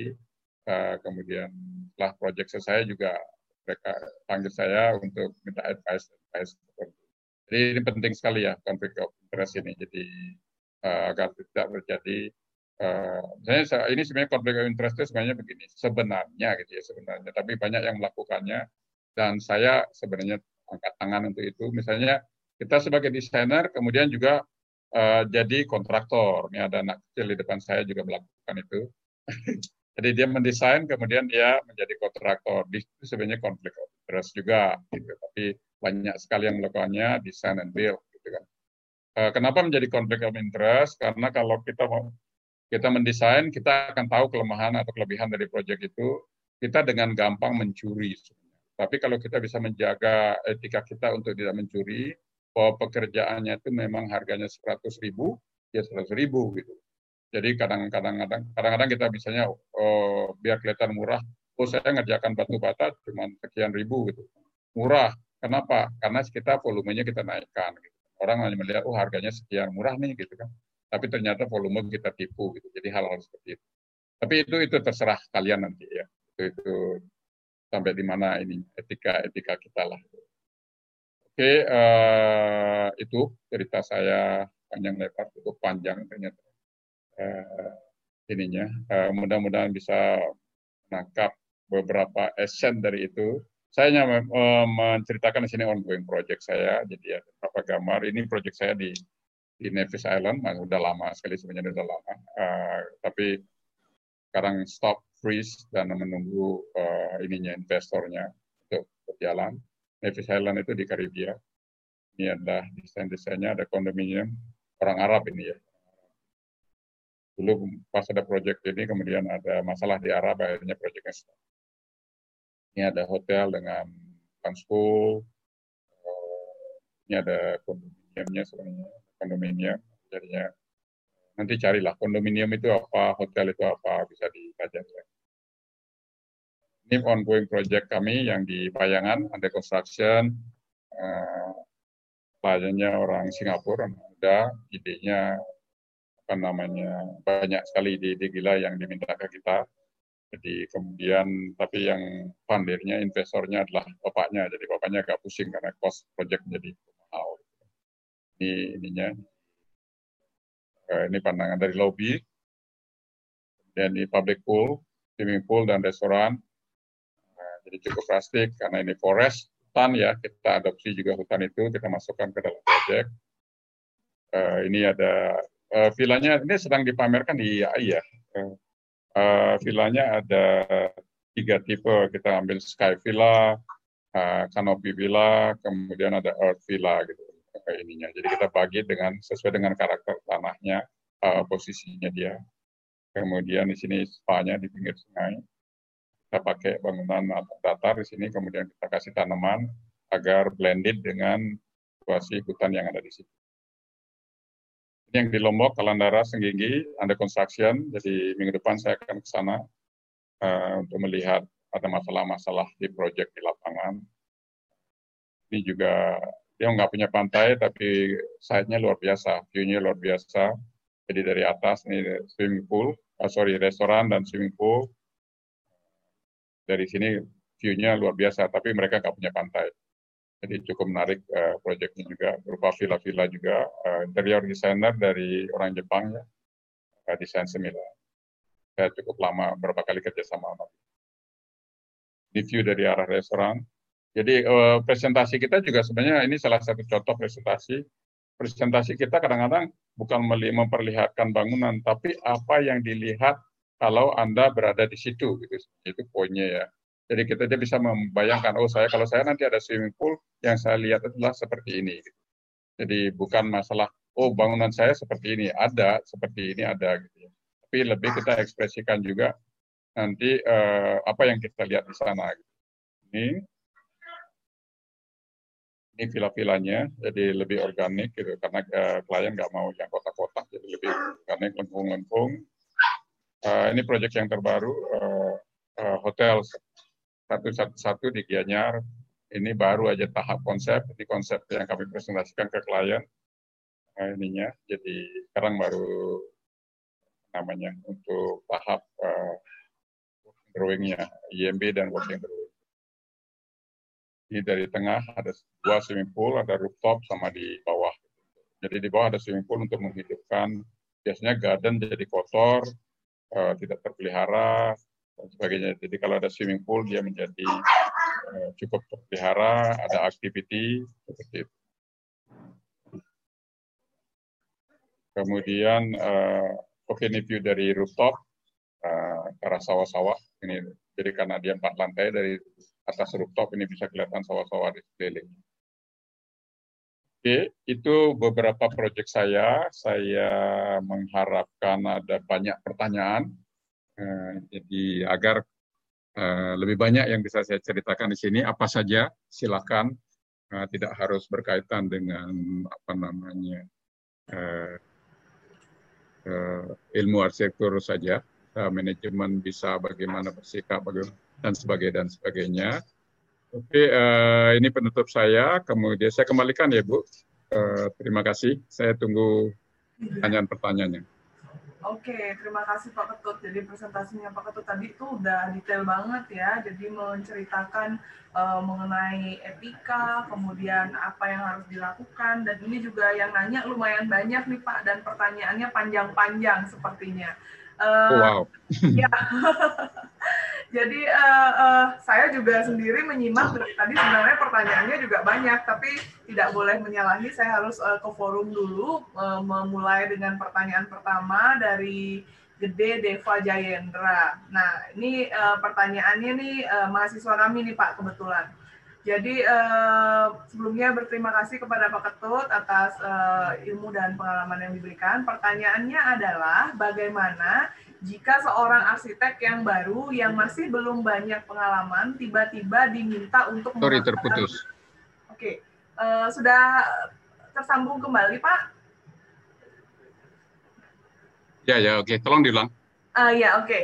Bagaimana? Uh, ya, bagaimana jika seorang arsitek yang baru masih belum punya pengalaman sama sekali, tiba-tiba diminta untuk mengerjakan proyek yang lebih besar atau belum pernah dikerjakan sebelumnya apa yang harus uh, di, dilakukan. Nah, uh, sedangkan arsitek baru tersebut sebenarnya masih harus belajar dari proyek yang digarap yang uh, ke depannya memiliki peluang yang menguntungkan untuk uh, di depannya. Terima kasih Pak. Nah, itu pertanyaan yang pertama. Bisa langsung dijawab? Ya, mungkin langsung aja Pak. Oke. Okay. Pertanyaannya langsung ya, biar nggak lupa ya. betul betul. Silakan Pak Ketut. Oke, ini ini sering sekali sebenarnya tadi saya sudah saya ceritakan ya. Jadi sering sekali, eh, terutama di Indonesia kita. Jadi termasuk sebenarnya eh, di luar juga sering begitu. Jadi kita dikasih proyek, kemudian eh, oh tolong buat, oke okay, ini ini, ini proyeknya ini, uh, coba aja deh. Jadi tadi saya sudah ceritakan, coba saja uh, kalau bagus pakai gitu loh. Jadi kalau kita nggak ada kerjaan, nggak ada apa-apa, ya kita noting tulus lah. Kita buat saja, siapa tahu benar kena kan gitu kan, siapa tahu dipakai gitu kan. Tapi kadang-kadang kita harus berpikir logik ya, berpikir logik itu begini. Kalau kita tidak ada hubungan apa-apa, misalnya tiba-tiba orang ini nunjuk gitu, oh, kecuali misalnya, oh ini klien naksir adik saya gitu misalnya, oh bisa aja kan itu kan, oh uh, ini klien uh, atau kliennya naksir dia gitu kan kita nggak tahu gitu kan. Maunya, ya. Uh, jadi dikasih proyek untuk PDKT-nya gitu kan. Tapi uh, kita harus berbicara logik di sini. Proyek katakanlah oke okay, uh, katakanlah 20 miliar, 40 miliar proyek yang uang yang akan spending untuk proyek itu. Kemudian uh, klien itu mencari kita yang tidak ada pengalamannya itu perlu dipertanyakan gitu. Oh, perlu yeah. dipertanyakan benar gak ini kan gitu kan perlu tanyakan Uh, itu itu adalah hal yang kita consider pertama. Uh, bisa aja mungkin ke caranya adalah, oke okay, Pak, saya ambil proyek ini, tapi saya perlu advisor. Saya akan pakai si siapa misalnya Pak Mangdi. Pak Mangdi saya sebagai advisor saya untuk mengerjakan proyek ini karena dia sudah pengalaman. Misalnya begitu. Uh, yang ke sebenarnya yang kedua adalah kita harus mengukur kapasitas kita sebetulnya. Kapasitas kita mampu nggak oh, mengerjakan ini. Tapi itu juga kita akan berpikir, oh kalau saya nggak kerjakan, ini kesempatan saya hilang. Gitu. Kesempatan saya hilang. Jadi kita harus berpikir dua-duanya. Uh, kemudian kita cari solusi. Dan kalau kita merasa mampu untuk mengerjakan, ya silahkan dikerjakan. Gitu. Dan kita harus mengerjakan dengan standar-standar uh, apa namanya yang ada, yang baku karena sekarang kita kan udah belajar di sekolah, kita belajar sama uh, apa namanya uh, belajar ke konsultan yang lain atau senior senior kita. Saya berikan contoh misalnya kayak tadi proyek Puri Wulandari ya. Proyek Puri Wulandari waktu saya menangani proyek itu saya terus terang aja saya belum pernah incar penuh terhadap proyek seperti level itu. Itu salah satunya. Jadi kita saya dites sama klien saya hampir selama 8 bulan. Jadi ketemu ngobrol apa-apa, idenya ngobrol, ngobrol belum gambar tapi ngobrol, ngobrol, ngobrol sampai dia merasa wah nah ini bisa gitu. Dan nanti bisa, dia punya motivasi juga buat dia daripada saya pakai arsitek asing, mendingan saya pakai arsitek lokal. Saya punya apa namanya dan oh, sedekah gitulah istilahnya ada suatu uh, misi sosial yang saya kembangkan untuk orang Bali gitu seperti itu pemikirannya salah satunya tapi waktu itu saya juga udah pernah mengerjakan proyek selevel itu di bawah senior arsitek jadi saya tahu apa yang ini ukurannya saya tahu apa yang diinginkan oleh klien ini luasannya uh, standar-standarnya bagaimana. Itu saya udah udah cukup banyak belajar di sana. Hampir berapa tahun saya belajar uh, untuk proyek sekelas itu. Akhirnya saya berani. Jadi itu itu adalah salah satu uh, ininya uh, strateginya gitu ya. Ya, terus terang saja saya mengerti pada awal karena untuk masuk ke step selanjutnya kita harus mengerjakan proyek yang lebih besar dari yang biasa kita tangani atau lebih complicated daripada yang kita tangani. Sekarang hanya perlu sikap kita bagaimana menanganinya. Ya seperti tadi saya ulang lagi bahwa kita tangani sendiri dengan pengetahuan kita dan kemungkinan desain kita menjadi desain copy paste gitu kan Artinya kita ambil ini, ambil itu banyak, banyak. Saya sering di kantor dengan anak-anak. Coba lihat Pinterest itu, kamu belajar di sana aja, kita copy paste dari sana gitu kan sering. Jadi kita lihat idenya gitu seperti itu. Uh, seperti itu atau uh, kita membuat uh, ya tadi ada ada advisor uh, untuk bisa menangani baik dari segi desain dan juga dari segi uh, ini dari segi apa namanya desain dan dan produk. Eh sorry desain dan dan masalah uangnya gitu loh. Jadi uangnya itu kadang-kadang kita akan oh gambar ini oh ya saya suka lanjutin ya gitu kan lanjutin aja ya. Habis itu dia carikan kontraktor sendiri, kontraktornya disuruh membuat gambar detail gitu. Kita kita sering sering ya. Saya juga ngalamin waktu masih muda Jadi pengalaman-pengalaman seperti itu uh, sering sekali menjebak kita. Gitu. Jadi itu hati-hati aja, uh, lihat kliennya, kenapa dia pakai kita. Pertama, karena uang yang ditanamkan banyak. Artinya orang bisnis tidak mau ambil risiko taruh uang sembarangan untuk ini. Atau memang kalau kita lihat, oh ini kliennya memang klien memang mau ngirit gitu ya, mau mau ngirit. Oke okay lah, kita coba. Jadi saya dia maunya, oke okay, saya dia mau bayar berapa juta aja untuk proyeknya gitu ya. Jadi seperti itu. Mungkin mungkin itu yang bisa menjawab ya. Uh, kalau masih kurang bisa di, di ini lagi. Uh, Bu, tolong silakan. Mungkin nanti kalau ada kekurangan uh, akan ditambahkan di bawahnya. Tambah lagi, Bu. Silakan. Iya, apa yang ini. Jadi intinya harus berani ya Pak Tutia dan melihat uh, apa namanya klien itu uh, dilihat juga latar belakangnya. Jangan asal baru terima proyek wah langsung senang gitu. Senang ya betul. Uh, padahal kan sebenarnya uh, kok kok bisa ya saya yang baru ini diberikan hal itu dilihat dulu ya. latar belakangnya seperti apa gitu. Trial and error ya. juga sih sebenarnya ini. Kita lanjutkan uh, dulu Pak Tot ke pertanyaan yang kedua. Jadi uh, untuk kontrak, nah ini mahasiswa juga suka kebingungan mengenai kontrak kerja jadi ketika mereka PKL uh, eh, dengan apa yang Pak Tut materi berikan barusan itu uh, ada perbedaan antara kontrak kerjanya. Jadi karena mereka juga dapat tugas untuk membandingkan kontrak kerja dan uh, ternyata terdapat perbedaan tertentu dalam setiap kontrak kerja. Jadi untuk kontrak kerja tersebut sebenarnya poin-poin yang paling penting yang harus ada di sebuah kontrak kerja itu seperti apa? Nah ini pertanyaan dari Idewo Ayusri mahasiswa kami juga. Silakan Pak Tut untuk dibantu. Oke, okay, uh, eh, poinnya itu tadi udah dijelaskan ya. Saya harus mungkin harus scroll ke atas itu uh, agak jauh nih scroll sebentar. Saya skip dulu.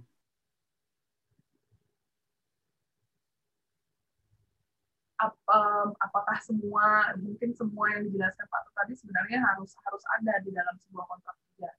Slide. Uh, yes, sorry. Uh, Ya seharusnya begitu, seharusnya begitu. Jadi karena eh, gini, ada ada uh, di kontrak kerja itu ada kita sebut namanya SPK gitu ya, surat perintah kerja. Tapi surat perintah kerja itu sebenarnya bukan kontrak kerja ya, itu sebenarnya surat perintah kerja SPK gitu kan. Nah ini permasalahannya kalau kita di Indonesia ini kan sering sekali menggampangkan gitu, menggampangkan uh, suatu pekerjaan ya udah uh, eh, SPK aja cukup. Saya juga sering begitu. Kalau klien saya misalnya return klien uh, udah tahu siapa dia, kemudian kita membuatnya hanya berupa SPK. Nah, ini sebuah isi sebuah kontrak kerja ya.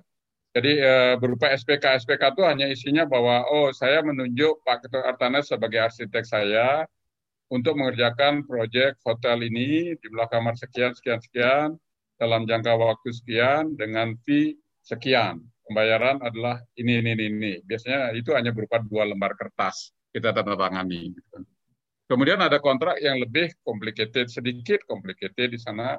Di situ kita sebutkan uh, apa namanya uh, uh, berapa poin misalnya. Oke, okay, ada kesepakatan. Nah, yang nomor A kita sebutkan, lingkup pekerja B kita sebutkan, lingkup pekerjaan. Kemudian C kita sebutkan jumlah desain dan pembayaran uh, D, E biasanya sering tidak disebutkan, F hanya general saja, tidak ada dalam detail, G biasanya tidak disebutkan, force major tidak disebutkan, uh, pemutusan selesainya kontrak juga nggak disebutkan di sana, uh, kemudian J kalau ada masalah nggak disebutkan di sana, dan yang K, K pasti ada karena itu tanda tangan ya. Jadi sering juga begitu. Jadi itu yang satu step di atasnya gitu kan. Menjadi masalah nanti misalnya kalau ada perkara gimana cara menyelesaikannya karena nggak disebutkan apakah pengadilan langsung atau ke arbitrase ini. Terus nomor G nggak disebutkan misalnya, oh G ini nggak disebutkan. Terus yang nanti kalau kalau saya mau foto-foto proyek itu boleh nggak gitu ke sana? Klien bilang nggak boleh gitu kan. Ada teman di Jakarta arsitek uh, Andra Martin pernah begitu kan dia bilang oh itu kan bukan proyek kamu lagi Anda pernah pernah ngalamin itu nggak nah. dikasih masuk dia gitu karena oh ini ini bukan proyek kamu lagi ini proyek saya udah dirubah-rubah kok malah sama saya gitu misalnya Jadi itu kalau copyright harusnya nggak bisa disebutkan. Kemudian jangka waktu pengerjaan ini penting banget kalau nggak disebutkan. Karena di sini nanti menjadi oh saya kita jadi santai mengerjakannya klien juga oh. Yang kemudian kita ternyata proyeknya sampai lima tahun. Lima tahun itu buat kita beban gitu karena overhead jalan terus gitu. Nah, itu itu hal-hal yang perlu diinikan. Jadi lebih baik itu isi sebuah kontrak kerja itu harusnya minimum itu ya ini A sampai K ini jadi kalau saya misalnya kontrak dengan orang Indonesia itu biasanya kontrak saya itu mungkin sekitar mungkin 12 lembar mungkin ya, 12 lembar uh, uh, isinya. Jadi intinya inti-inti aja. Tapi kalau kalau kontrak sama misalnya proyek saya di luar gitu, itu puluhan lembar, mungkin sampai 50 60 lembar, mungkin lebih, cukup tebal itu. Tebalnya mungkin kira-kira uh, nggak sampai satu senti sih dan tebalnya sih tebalnya kira-kira mungkin uh, ya berapa mili gitu ada puluhan lembar. Itu termasuk di sana misalnya uh, kalau traveling saya tinggal di hotel bintang berapa. Kemudian uh, flight saya apa? Bisnis class apa ekonomi? Kemudian tunjangan saya di dalam traveling itu apa saja yang dibayar? Ini ini ini misalnya. Kan kadang-kadang expense misalnya kan kita pergi ke mana oke proyek di Hong Kong gitu ya kemudian kita ke sana, makan saya ditanggung apa enggak di sana? Gitu. Itu disebutkan di sana. Oh nanti termasuk uh, ada allowance, ada ada apa namanya akomodasi dan transportation. Kemudian makannya bagaimana? Kita bisa jangan sampai terjebak juga makan di sana mahal gitu. Bisa-bisa habis fee kita untuk makan di Hong Kong gitu kan. Jadi itu hal, hal jadi terperinci sekali Eh, kemudian masalah peringatan-peringatan kalau di, banyak sekali ada isinya. Saya ada ada kontrak yang seperti itu jadi cukup tebal isinya. Kadang-kadang itu uh, mungkin harus di malah yang menandatangani harus disaksikan oleh notaris atau lawyer. Itu seperti itu. Yang membuat itu juga biasanya perusahaan, kalau perusahaan besar itu dia ada lawyernya dia buat itu uh, ininya.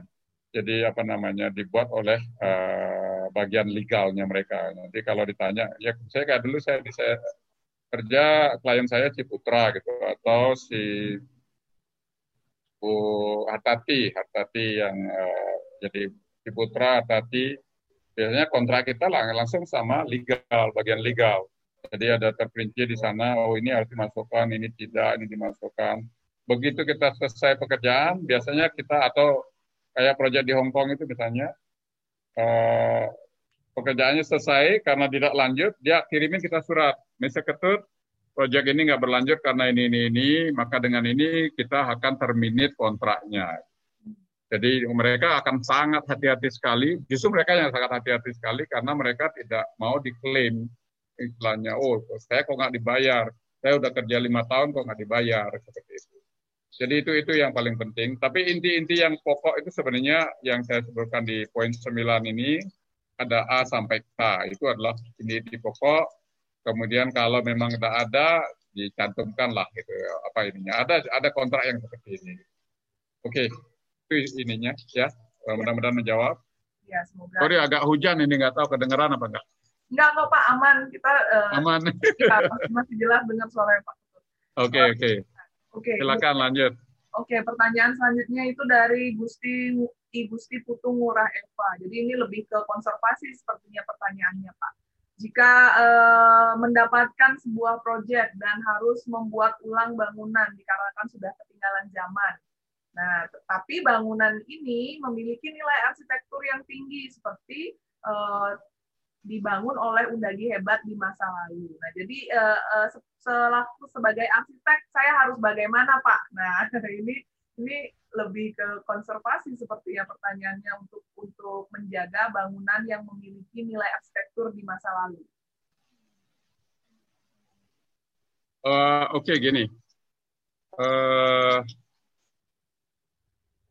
kita mungkin belum ada ya di Bali mungkin belum ada ya yang artinya secara liga saya belum tahu ada secara legalnya itu belum ada nggak di seperti itu mereka di protek nggak bangunan-bangunan itu tapi di Jogja sudah ada jadi ada dosen UG, UGM yang ibu saya lupa namanya yang mengkoordinir itu bahwa mereka ada bangunan-bangunan kolonial yang daerah-daerah eh, Kota Baru misalnya itu ada beberapa tempat yang mereka harus lindungi itu. Mereka nggak bisa bangun. Ada teman di sini dapat proyek di Jogja, Pak Nala Krisna. Di depannya ada kantor lama dan di belakangnya mau dibangun. Artinya tadinya mau dibangun, mau dirubuhkan semua. Ya kita gampang aja, rubuhkan aja deh semua kan gitu ya. Jadi kita lebih gampang gitu. Tapi ternyata saya aturannya nggak boleh. Jadi bangunan itu tetap ada di depannya. Gitu.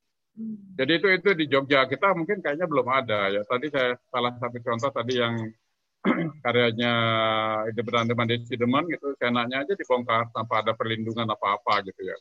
Yang harusnya itu diprotek gitu kan.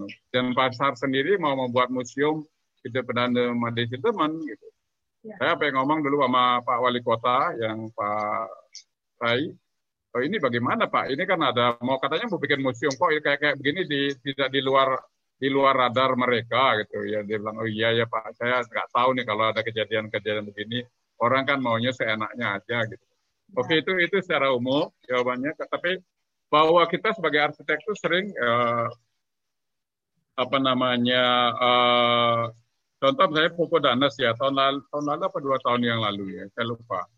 Uh, pas saya jadi juri di di IAI pusat dia kan yang desain di Lombok ada bangunan heritage jadi dia tetap pegang klien juga mau dia pegang itu untuk jadi restoran dirubah fungsinya tapi desainnya dia pegang dan itu luar biasa. Dia mendapatkan uh, apanya award uh, dalam uh, konservasi arsitektur gitu ya seperti itu. Jadi hal-hal seperti itu harusnya memang sebagai arsitek kita lakukan, kita hargai karena bangunan yang kita katakan oh udah ketinggalan zaman itu maksudnya apa gitu karena kalau dulu saya di kuliah itu namanya bukan ketinggalan zaman istilahnya tapi ada istilah namanya kesejamanan. Ke, Pak Yuswa Italia yang mengatakan itu. Jadi kesejamanan artinya bahwa sesuatu itu ada zamannya masing-masing, ada ada waktunya, bahwa di situ ada berubah ya lain cerita, tapi bagaimana kita memprotek itu atau memaksimalkan apa yang ada. Jadi kalau di Eropa, di Amerika sudah uh, sangat kuat mereka lakukan walaupun kan bangunannya bangunan-bangunan dari abad keberapa gitu kan. Nah, mereka misalnya kayak di di Eropa atau Amerika itu mereka akan pegang, oh tampaknya tidak boleh dirubah. Tapi belakangnya boleh diubah. Jadi nah, pada saat membangun, jadi ada satu kulit depannya aja tidak boleh dirubuhkan. Mereka protek dengan rangka-rangka. Sering saya lihat kalau lagi jalan keluar ya. Jadi depannya itu tetap ada, tapi di belakangnya sudah rata. Kita begitu tergantung levelnya ya. Jadi mereka cukup cukup ini. Kita yang agak agak apa namanya masih tidak menghargai itu. Jadi sering tidak menghargai itu dan kita seenaknya aja. Uh, ada cerita di sini misalnya di uh, di utara ada satu pura yang luar biasa, tapi pura itu butuh parkir Kemudian uh, karena pintu parkir itu mereka harus robohkan tembok penyangkarnya. Di waktu itu kita diskusi, saya akhirnya nggak ngikutin, akhirnya Dede Krishna, Pak Vilanus, kita berdiskusi bagaimana caranya memproteksi ini gitu kan. Bagaimana caranya biar bisa ini bisa dipegang gitu. Saya kemarin juga ada teman dari Karangasem, Made dia di Oxford, temannya si Mangdi ini, Ya. Saya minta Mang D untuk bantu ini sebenarnya kemarin itu di, di Besake ada pura kecil dan temboknya itu dari bahan yang dibentuk menjadi segi enam kalau salah segi enam gitu kemudian uh, dia minta dia kirimin foto faktor gimana caranya? Ini karenanya ada renovasi dari dari ada dapat dana di renovasi dari uh, pemerintah daerah. Ini mau dirubuhin semua mau dibangun baru. Saya nggak rela ini gitu. Akhirnya waktu itu dia kontak saya gitu. Oh, coba hubungin Bang D deh dia lebih sakti dari saya kemudian Bang D bantu itu temannya di Oxford Ya. Jadi, uh, jadi mudah-mudahan bisa diselamatkan. Uh, tahun ini mereka uh, janji datang dia dan saya mau pengen dia ke sana juga. Jadi itu itu moral aja sebenarnya lebih pada moral. Kita sebagai arsitek mencoba memelihara peninggalan-peninggalan uh, yang sudah lama. Kemudian kita coba uh, fine tuning menjadi fungsi-fungsi baru tidak salah tapi kita mencoba kondisi yang ada kita coba protect. Sebenarnya lebih ke regulasi juga ya Pak ya, harusnya regulasi juga lebih. Tahun dua tahun yang lalu ya saya lupa. Kita juga buat ada satu dari Medan uh, yang menang. Uh, sorry, internet saya masih dengar kah? Masih Pak, masih dengar. Masih ya. Jadi ya. ya kalau Popo bagus ya, Popo Danas desainnya bagus sekali. Jadi kita menang itu memang murni dia menang. Yang dari Medan kita uh, setelah diskusi kita kasih ambil kesimpulan, oke okay, kita menangkan nih orang ini. Karena di Medan itu di sebelah saya ada orang Medan nih. Di Medan itu kanibal. Jadi bangunan itu disikat aja sama mereka, nggak peduli itu. Jadi disikat aja sama mereka. Kemudian kita kasih award ini buat untuk ya semacam eh, pesan moral lah kepada Pemda, kepada orang-orang Medan. Ini bangunannya luar luar biasa gitu. Bangunan yang luar biasa kenapa harus dirubuhkan untuk membuat yang baru. Jadi sisanya memprotek bangunan Melayu sebenarnya. Di bangunan Melayu Medan. Jadi uh, uh, luar biasa. Konsep dia uh, karena waktu itu dia ada bangunannya agak bangunan kayu, kemudian daerah sana daerah banjir, bangunan itu dia minta diangkat, gitu, diangkat seluruh bangunan diangkat. Uh, memang tetap lebih pendek, tapi di bangunan diangkat, kemudian di tangganya ditambahin agar bisa. Jadi jadi luar biasa idenya. Jadi memang kita kita berikan itu oh ini luar biasa. Akhirnya ada dua yang konservasi konservasi arsitektur. Jadi kalau kita berusaha ke, ke ini, ke maksimum mungkin untuk memprotek karya-karya uh, pendahulu kita. Gitu. Kecuali memang uh, benar-benar ada bangunan yang memang tidak punya nilai sejarah dan ya kalau saya sering mengatakan nih bangunan ini kriminal gitu sombong atau apa jadi bangunannya uh, bangunannya saya bahasa saya kan ini bangunan kriminal jadi pengennya menonjol sendiri misalnya gitu kan lain lagi ceritanya ya oke okay. Itu itu jawaban saya ya. Ya, terima kasih Pak Ketut. Jadi sebenarnya pemerintah juga harusnya juga membuat regulasi yang sangat mengikat untuk hal-hal yang seperti ini. Jadi bisa membantu uh, arsitek kalau punya keinginan uh, lebih ke pesan moralnya yang tadi Pak Ketut ceritakan ya Pak Ketut ya. Ya, uh, selanjutnya pertanyaan selanjutnya saya bisa lihat uh, dari, nah ini dari ide bagus Trisna Suwelagiri. Pertanyaannya banyak, ada tiga Pak Tut, tapi uh, pertanyaannya Oh iya, betul. Uh, yang pertama itu tadi sepertinya ini ada hubungannya uh, sebelumnya yang Pak Tuh ceritakan tentang uh, apa namanya Puri Wulandari. Jadi kalau pertanyaannya itu bagaimana cerita awal atau titik balik dari Pak Ketut Artana yang awalnya adalah seorang lulusan mahasiswa arsitektur ITB fresh graduate, kemudian hingga bisa mendapatkan proyek monumental sampai Pak Ketut bisa terkenal seperti sekarang. Kalau ini saya simak sih pertanyaannya tadi jawabannya ada ketika Pak Tut menjelaskan tentang Puri Wulandari. Kemudian yang kedua, saya lihat uh, karya-karya desain dari Pak Ketut Artana sekarang ini lebih banyak bermain di material bambu. Bisa diceritakan bagaimana hal itu bisa menjadi trademark Pak Ketut. Nah, jadi uh, material bambunya. Kemudian yang terakhir, yang ketiga, terkait regulasi aturan membangun di Bali, bangunan di Bali baik itu bangunan rumah tinggal ataupun bangunan komersial seperti bungalow, villa, hotel, kafe, galeri saat mengajukan IMB harus mencerminkan arsitektur Bali, unsur badan dan unsur kaki. Nah, bagaimana kaitannya dengan karya desain yang sudah Pak Ketut buat seperti Five Element Mambal dan Tejapana Ubud. Nah, pertanyaannya lumayan nih Pak, ada tiga. Luar biasa nih pertanyaannya ya, luar ya, biasa. Sekali silahkan Pak okay, uh, eh, untuk menanggapi. Ya, nomor yang nomor satu dulu ya, nomor satu. Sebenarnya nomor satu itu saya kerjakan itu tahun 97 misalnya. Saya selesai kuliah itu tahun 84, uh, eh, jadi hampir berapa tahun itu? 13 tahun ya, ya 13 tahun saya udah bekerja uh, di luar itu 13 tahun baru bisa mendapatkan proyek itu. Jadi itu sebenarnya uh, proyek uh, buat saya itu kalau istilahnya bottleneck gitu ya. Jadi dalam berkarya itu kita sebut ada bottleneck.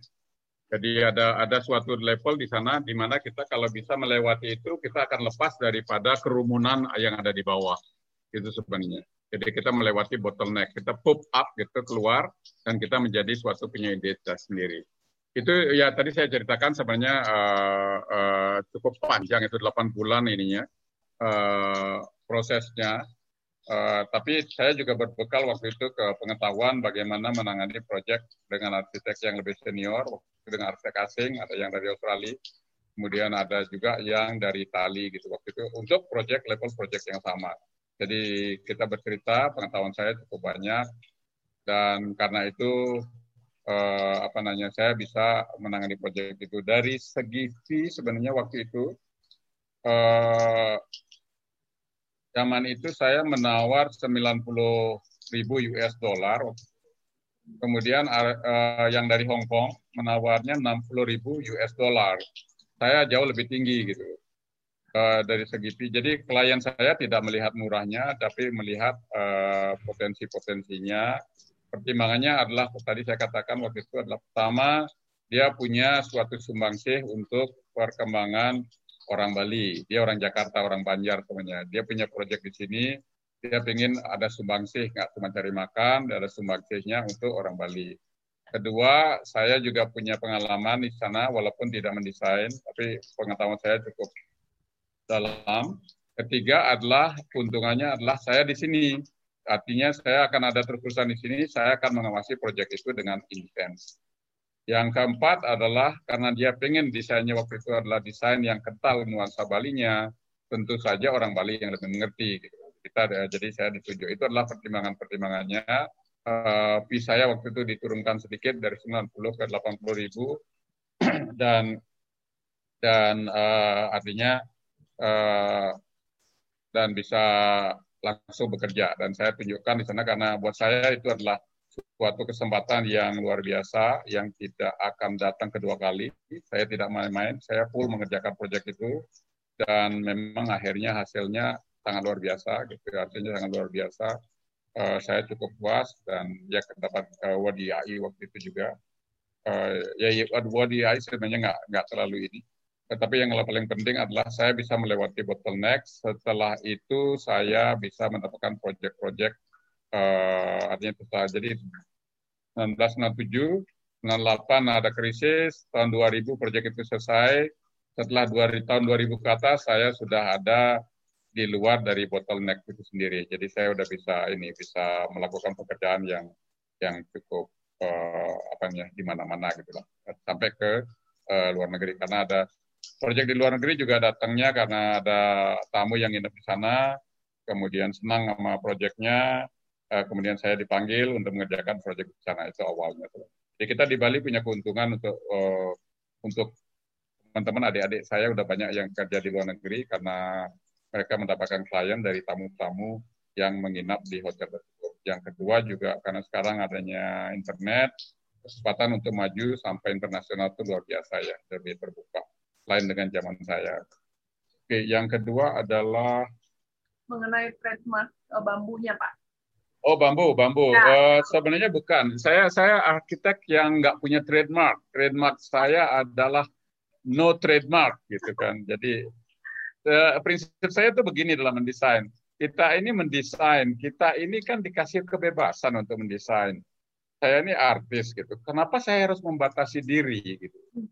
Jadi jadi seorang Picasso aja misalnya, saya nggak sama dengan Picasso, tapi seorang Picasso itu selalu berubah memang pada saat terakhir hidupnya dia menjadi uh, dis, uh, karyanya abstrak gitu ya, uh, kubism, jadi kubism, sorry kubism. Uh, tapi di awal-awal ada periode blue, ada periode pink, ada dan sebagainya dan sebagainya.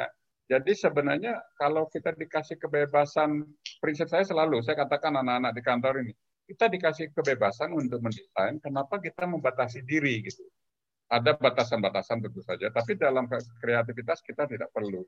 Jadi kebetulan tadi ada berapa dua proyek uh, proyek bambu saya sebenarnya five element, kemudian yang tadi ada di Payangan itu, kemudian ada yang di Lombok. Itu mungkin uh, tiga proyek itu karena saya tidak melihat bambu itu sebagai majority unsur desain, tapi lebih kepada environmentalnya, pada desain environmentalnya bahwa barang yang murah juga bisa kita uh, apa namanya uh, respect. Oh ada satu lagi yang seminyak ya.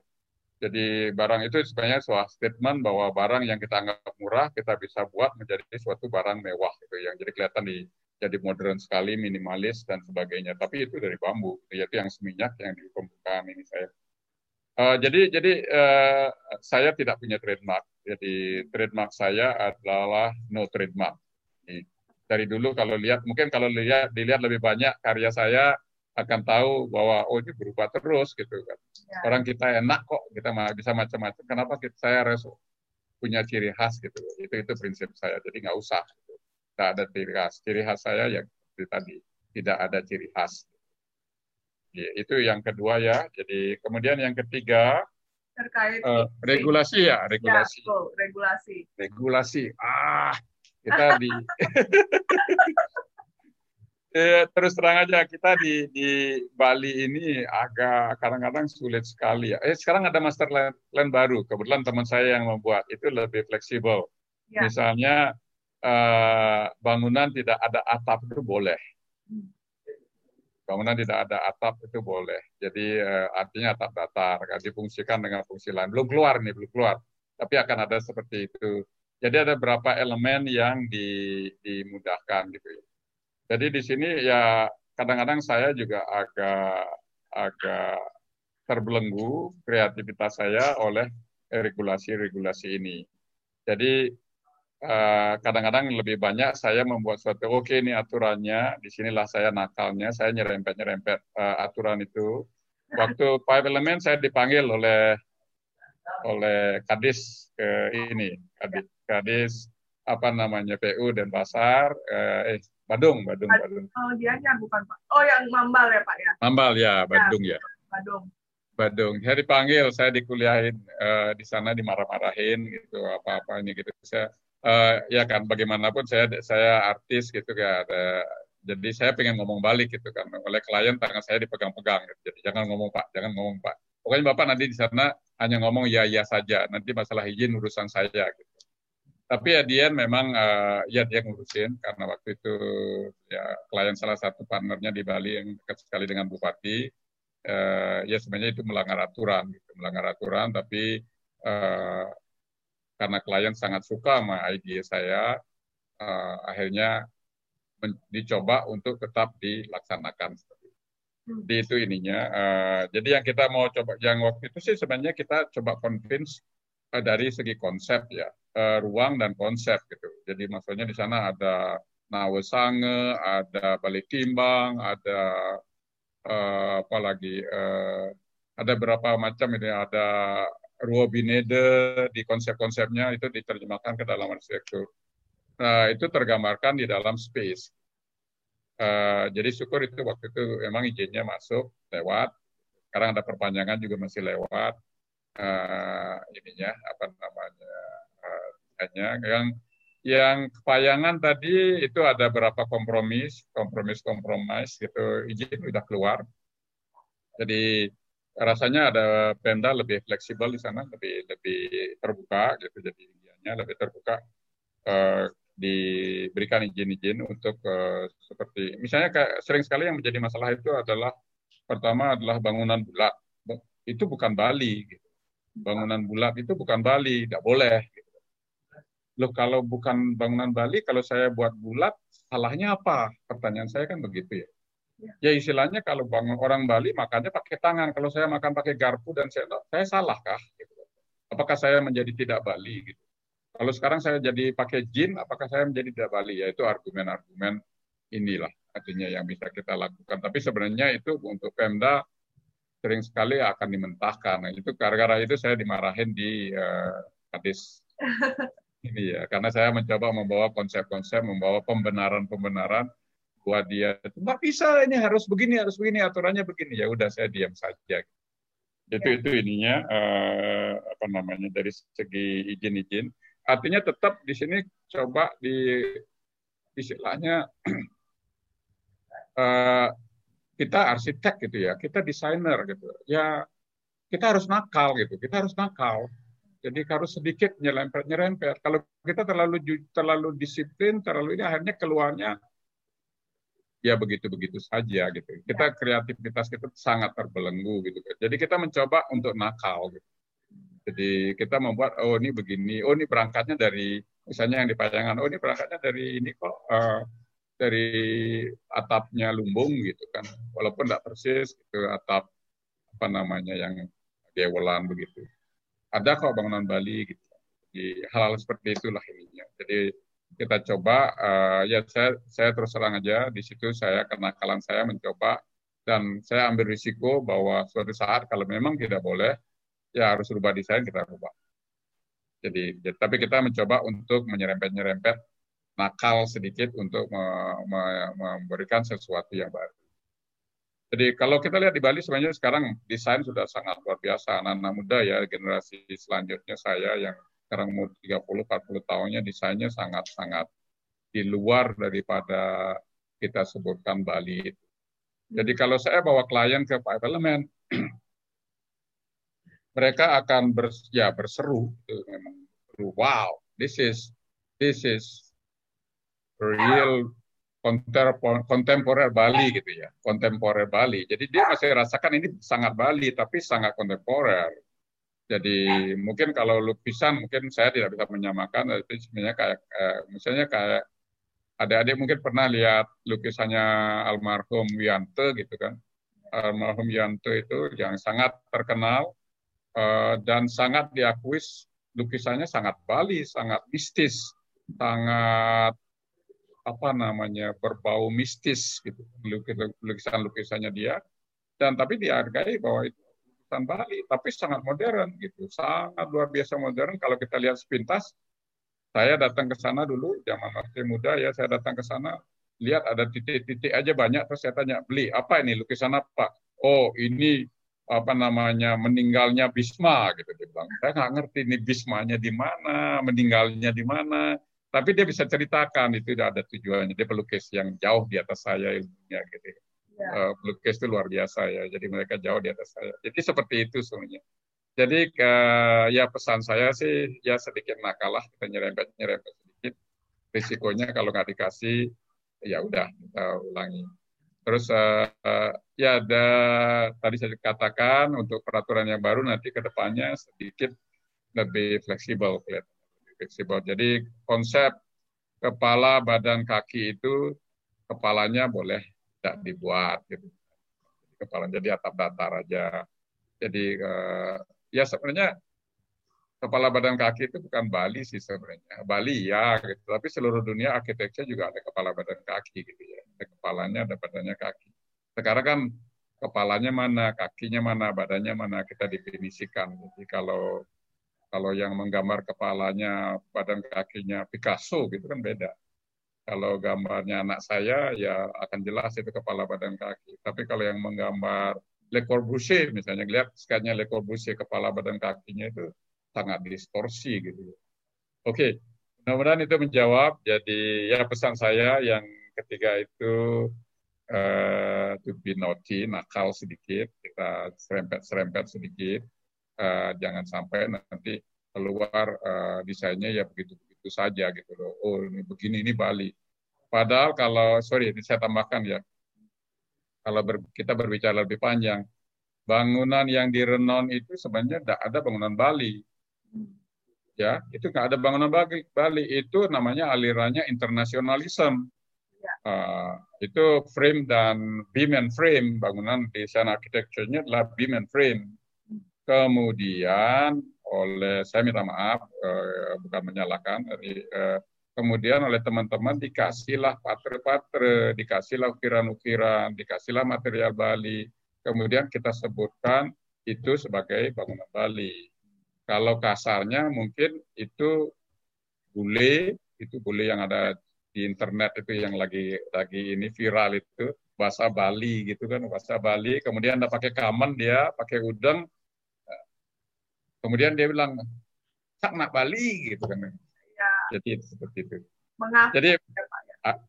harusnya lebih dalam lagi lah itu. Nah, menurut saya harusnya lebih dalam gitu. ya. dari dari sekedar baju, udang dan kamar lebih dalam. Oke, okay, ya. mudah-mudahan itu menjawab. Selanjutnya. Ya. Menjawab sekali Pak Ketut. Tapi uh, saya sudah dikode-kodekan oleh panitia, Bu, waktunya, Bu, waktunya gitu uh, kalau misalkan ini bertanya bisa sampai sore kita diskusinya Pak boleh hari Sabtu, hari Sabtu boleh kok. ya, tapi memang uh, apa terkendala dari waktu dan uh, ini kan media Zoom-nya juga dipakai di fakultas ada kebutuhan lain setelah ini gitu. Jadi uh, itu merupakan pertanyaan terakhir yang bisa saya sampaikan untuk Pak Ketut dari uh, peserta yang mengikuti webinar pada kali ini gitu. Jadi uh, sebenarnya kalau misalkan kita diskusi lebih lanjut pasti lebih banyak sekali yang bisa Pak Ketut ceritakan karena banyak hal yang pertanyaan-pertanyaan di bawahnya yang ditanyakan oleh teman-teman di sini gitu. Tapi nanti uh, semoga ada waktu kembali kita nanti undang lagi ya, deh Pak Ketut. Setiap saat, setiap ya, saat. ya Pak ya. ya setiap saat. Hmm. Akan mengundang uh, kembali Pak Ketut gitu. Oke, okay, saya saya mau kasih kata penutup ya. Jadi ya. sebenarnya uh, saya sangat salut kepada adik-adik mahasiswa yang sudah mengajukan pertanyaan-pertanyaan yang sebagian sudah bisa jawab, tapi karena ya memang kebatas-kebatas kita, mungkin ada sebagian yang akan balik mendebat saya dan itu tentu saja saya akan senang sekali karena itu membuat eh, argumen-argumen uh, saya bisa dimentahkan. Artinya apa yang saya katakan itu tidak harus benar, gitu kan? Apa yang saya katakan harus benar, hanya salah satu salah satu persepsi daripada ya dalam hal ini ilmu architecture gitu. Ya, saya dan kalian sebagai adik-adik penerus narasi saya. Saya udah 63 tahun sekarang, hampir pensiun, 64 malah. Nah, mau pensiun gitu, tapi belum rela untuk pensiun. Nah, masih senang gitu. Jadi itu eh, adik-adik inilah yang akan meneruskan uh, dan untuk bisa bersaing tidak hanya dengan arsitek-arsitek dari Indonesia di luar Pulau Bali, juga tentu saja arsitek-arsitek luar.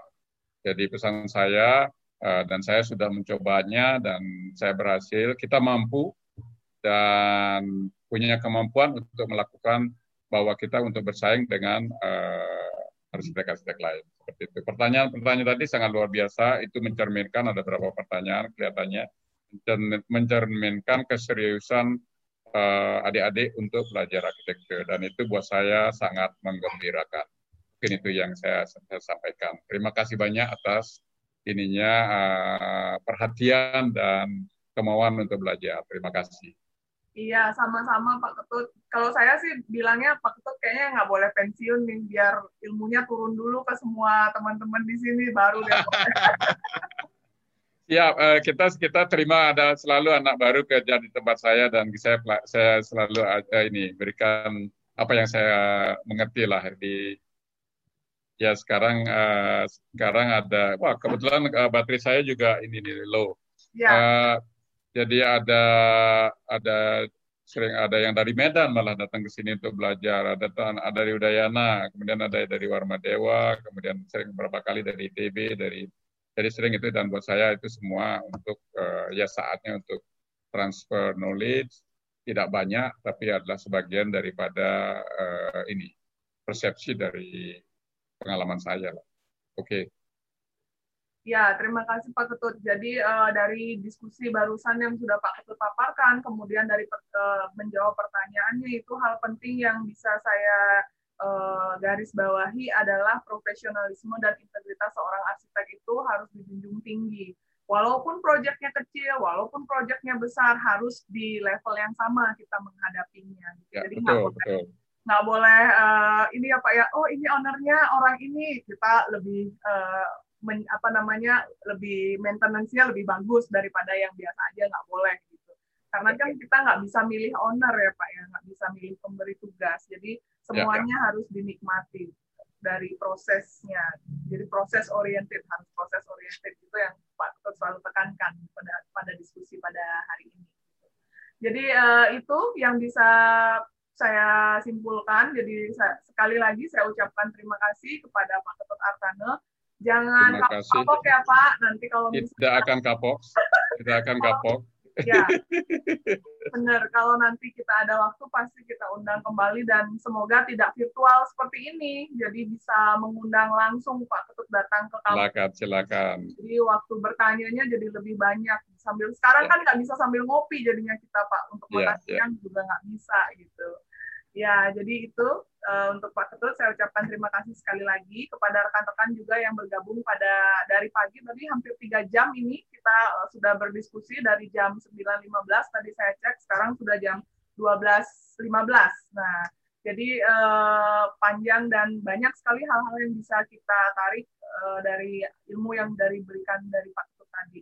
Jadi untuk rekan-rekan di sini untuk piagam itu bisa diklik di link sertifikatnya nanti akan langsung dikirimkan ke email masing-masing setelah mengisi uh, link yang diberikan di chat oleh panitia. Jadi um, saya sudahi diskusi pada siang hari ini. Saya ucapkan terima kasih lagi kepada Pak Ketut Artane.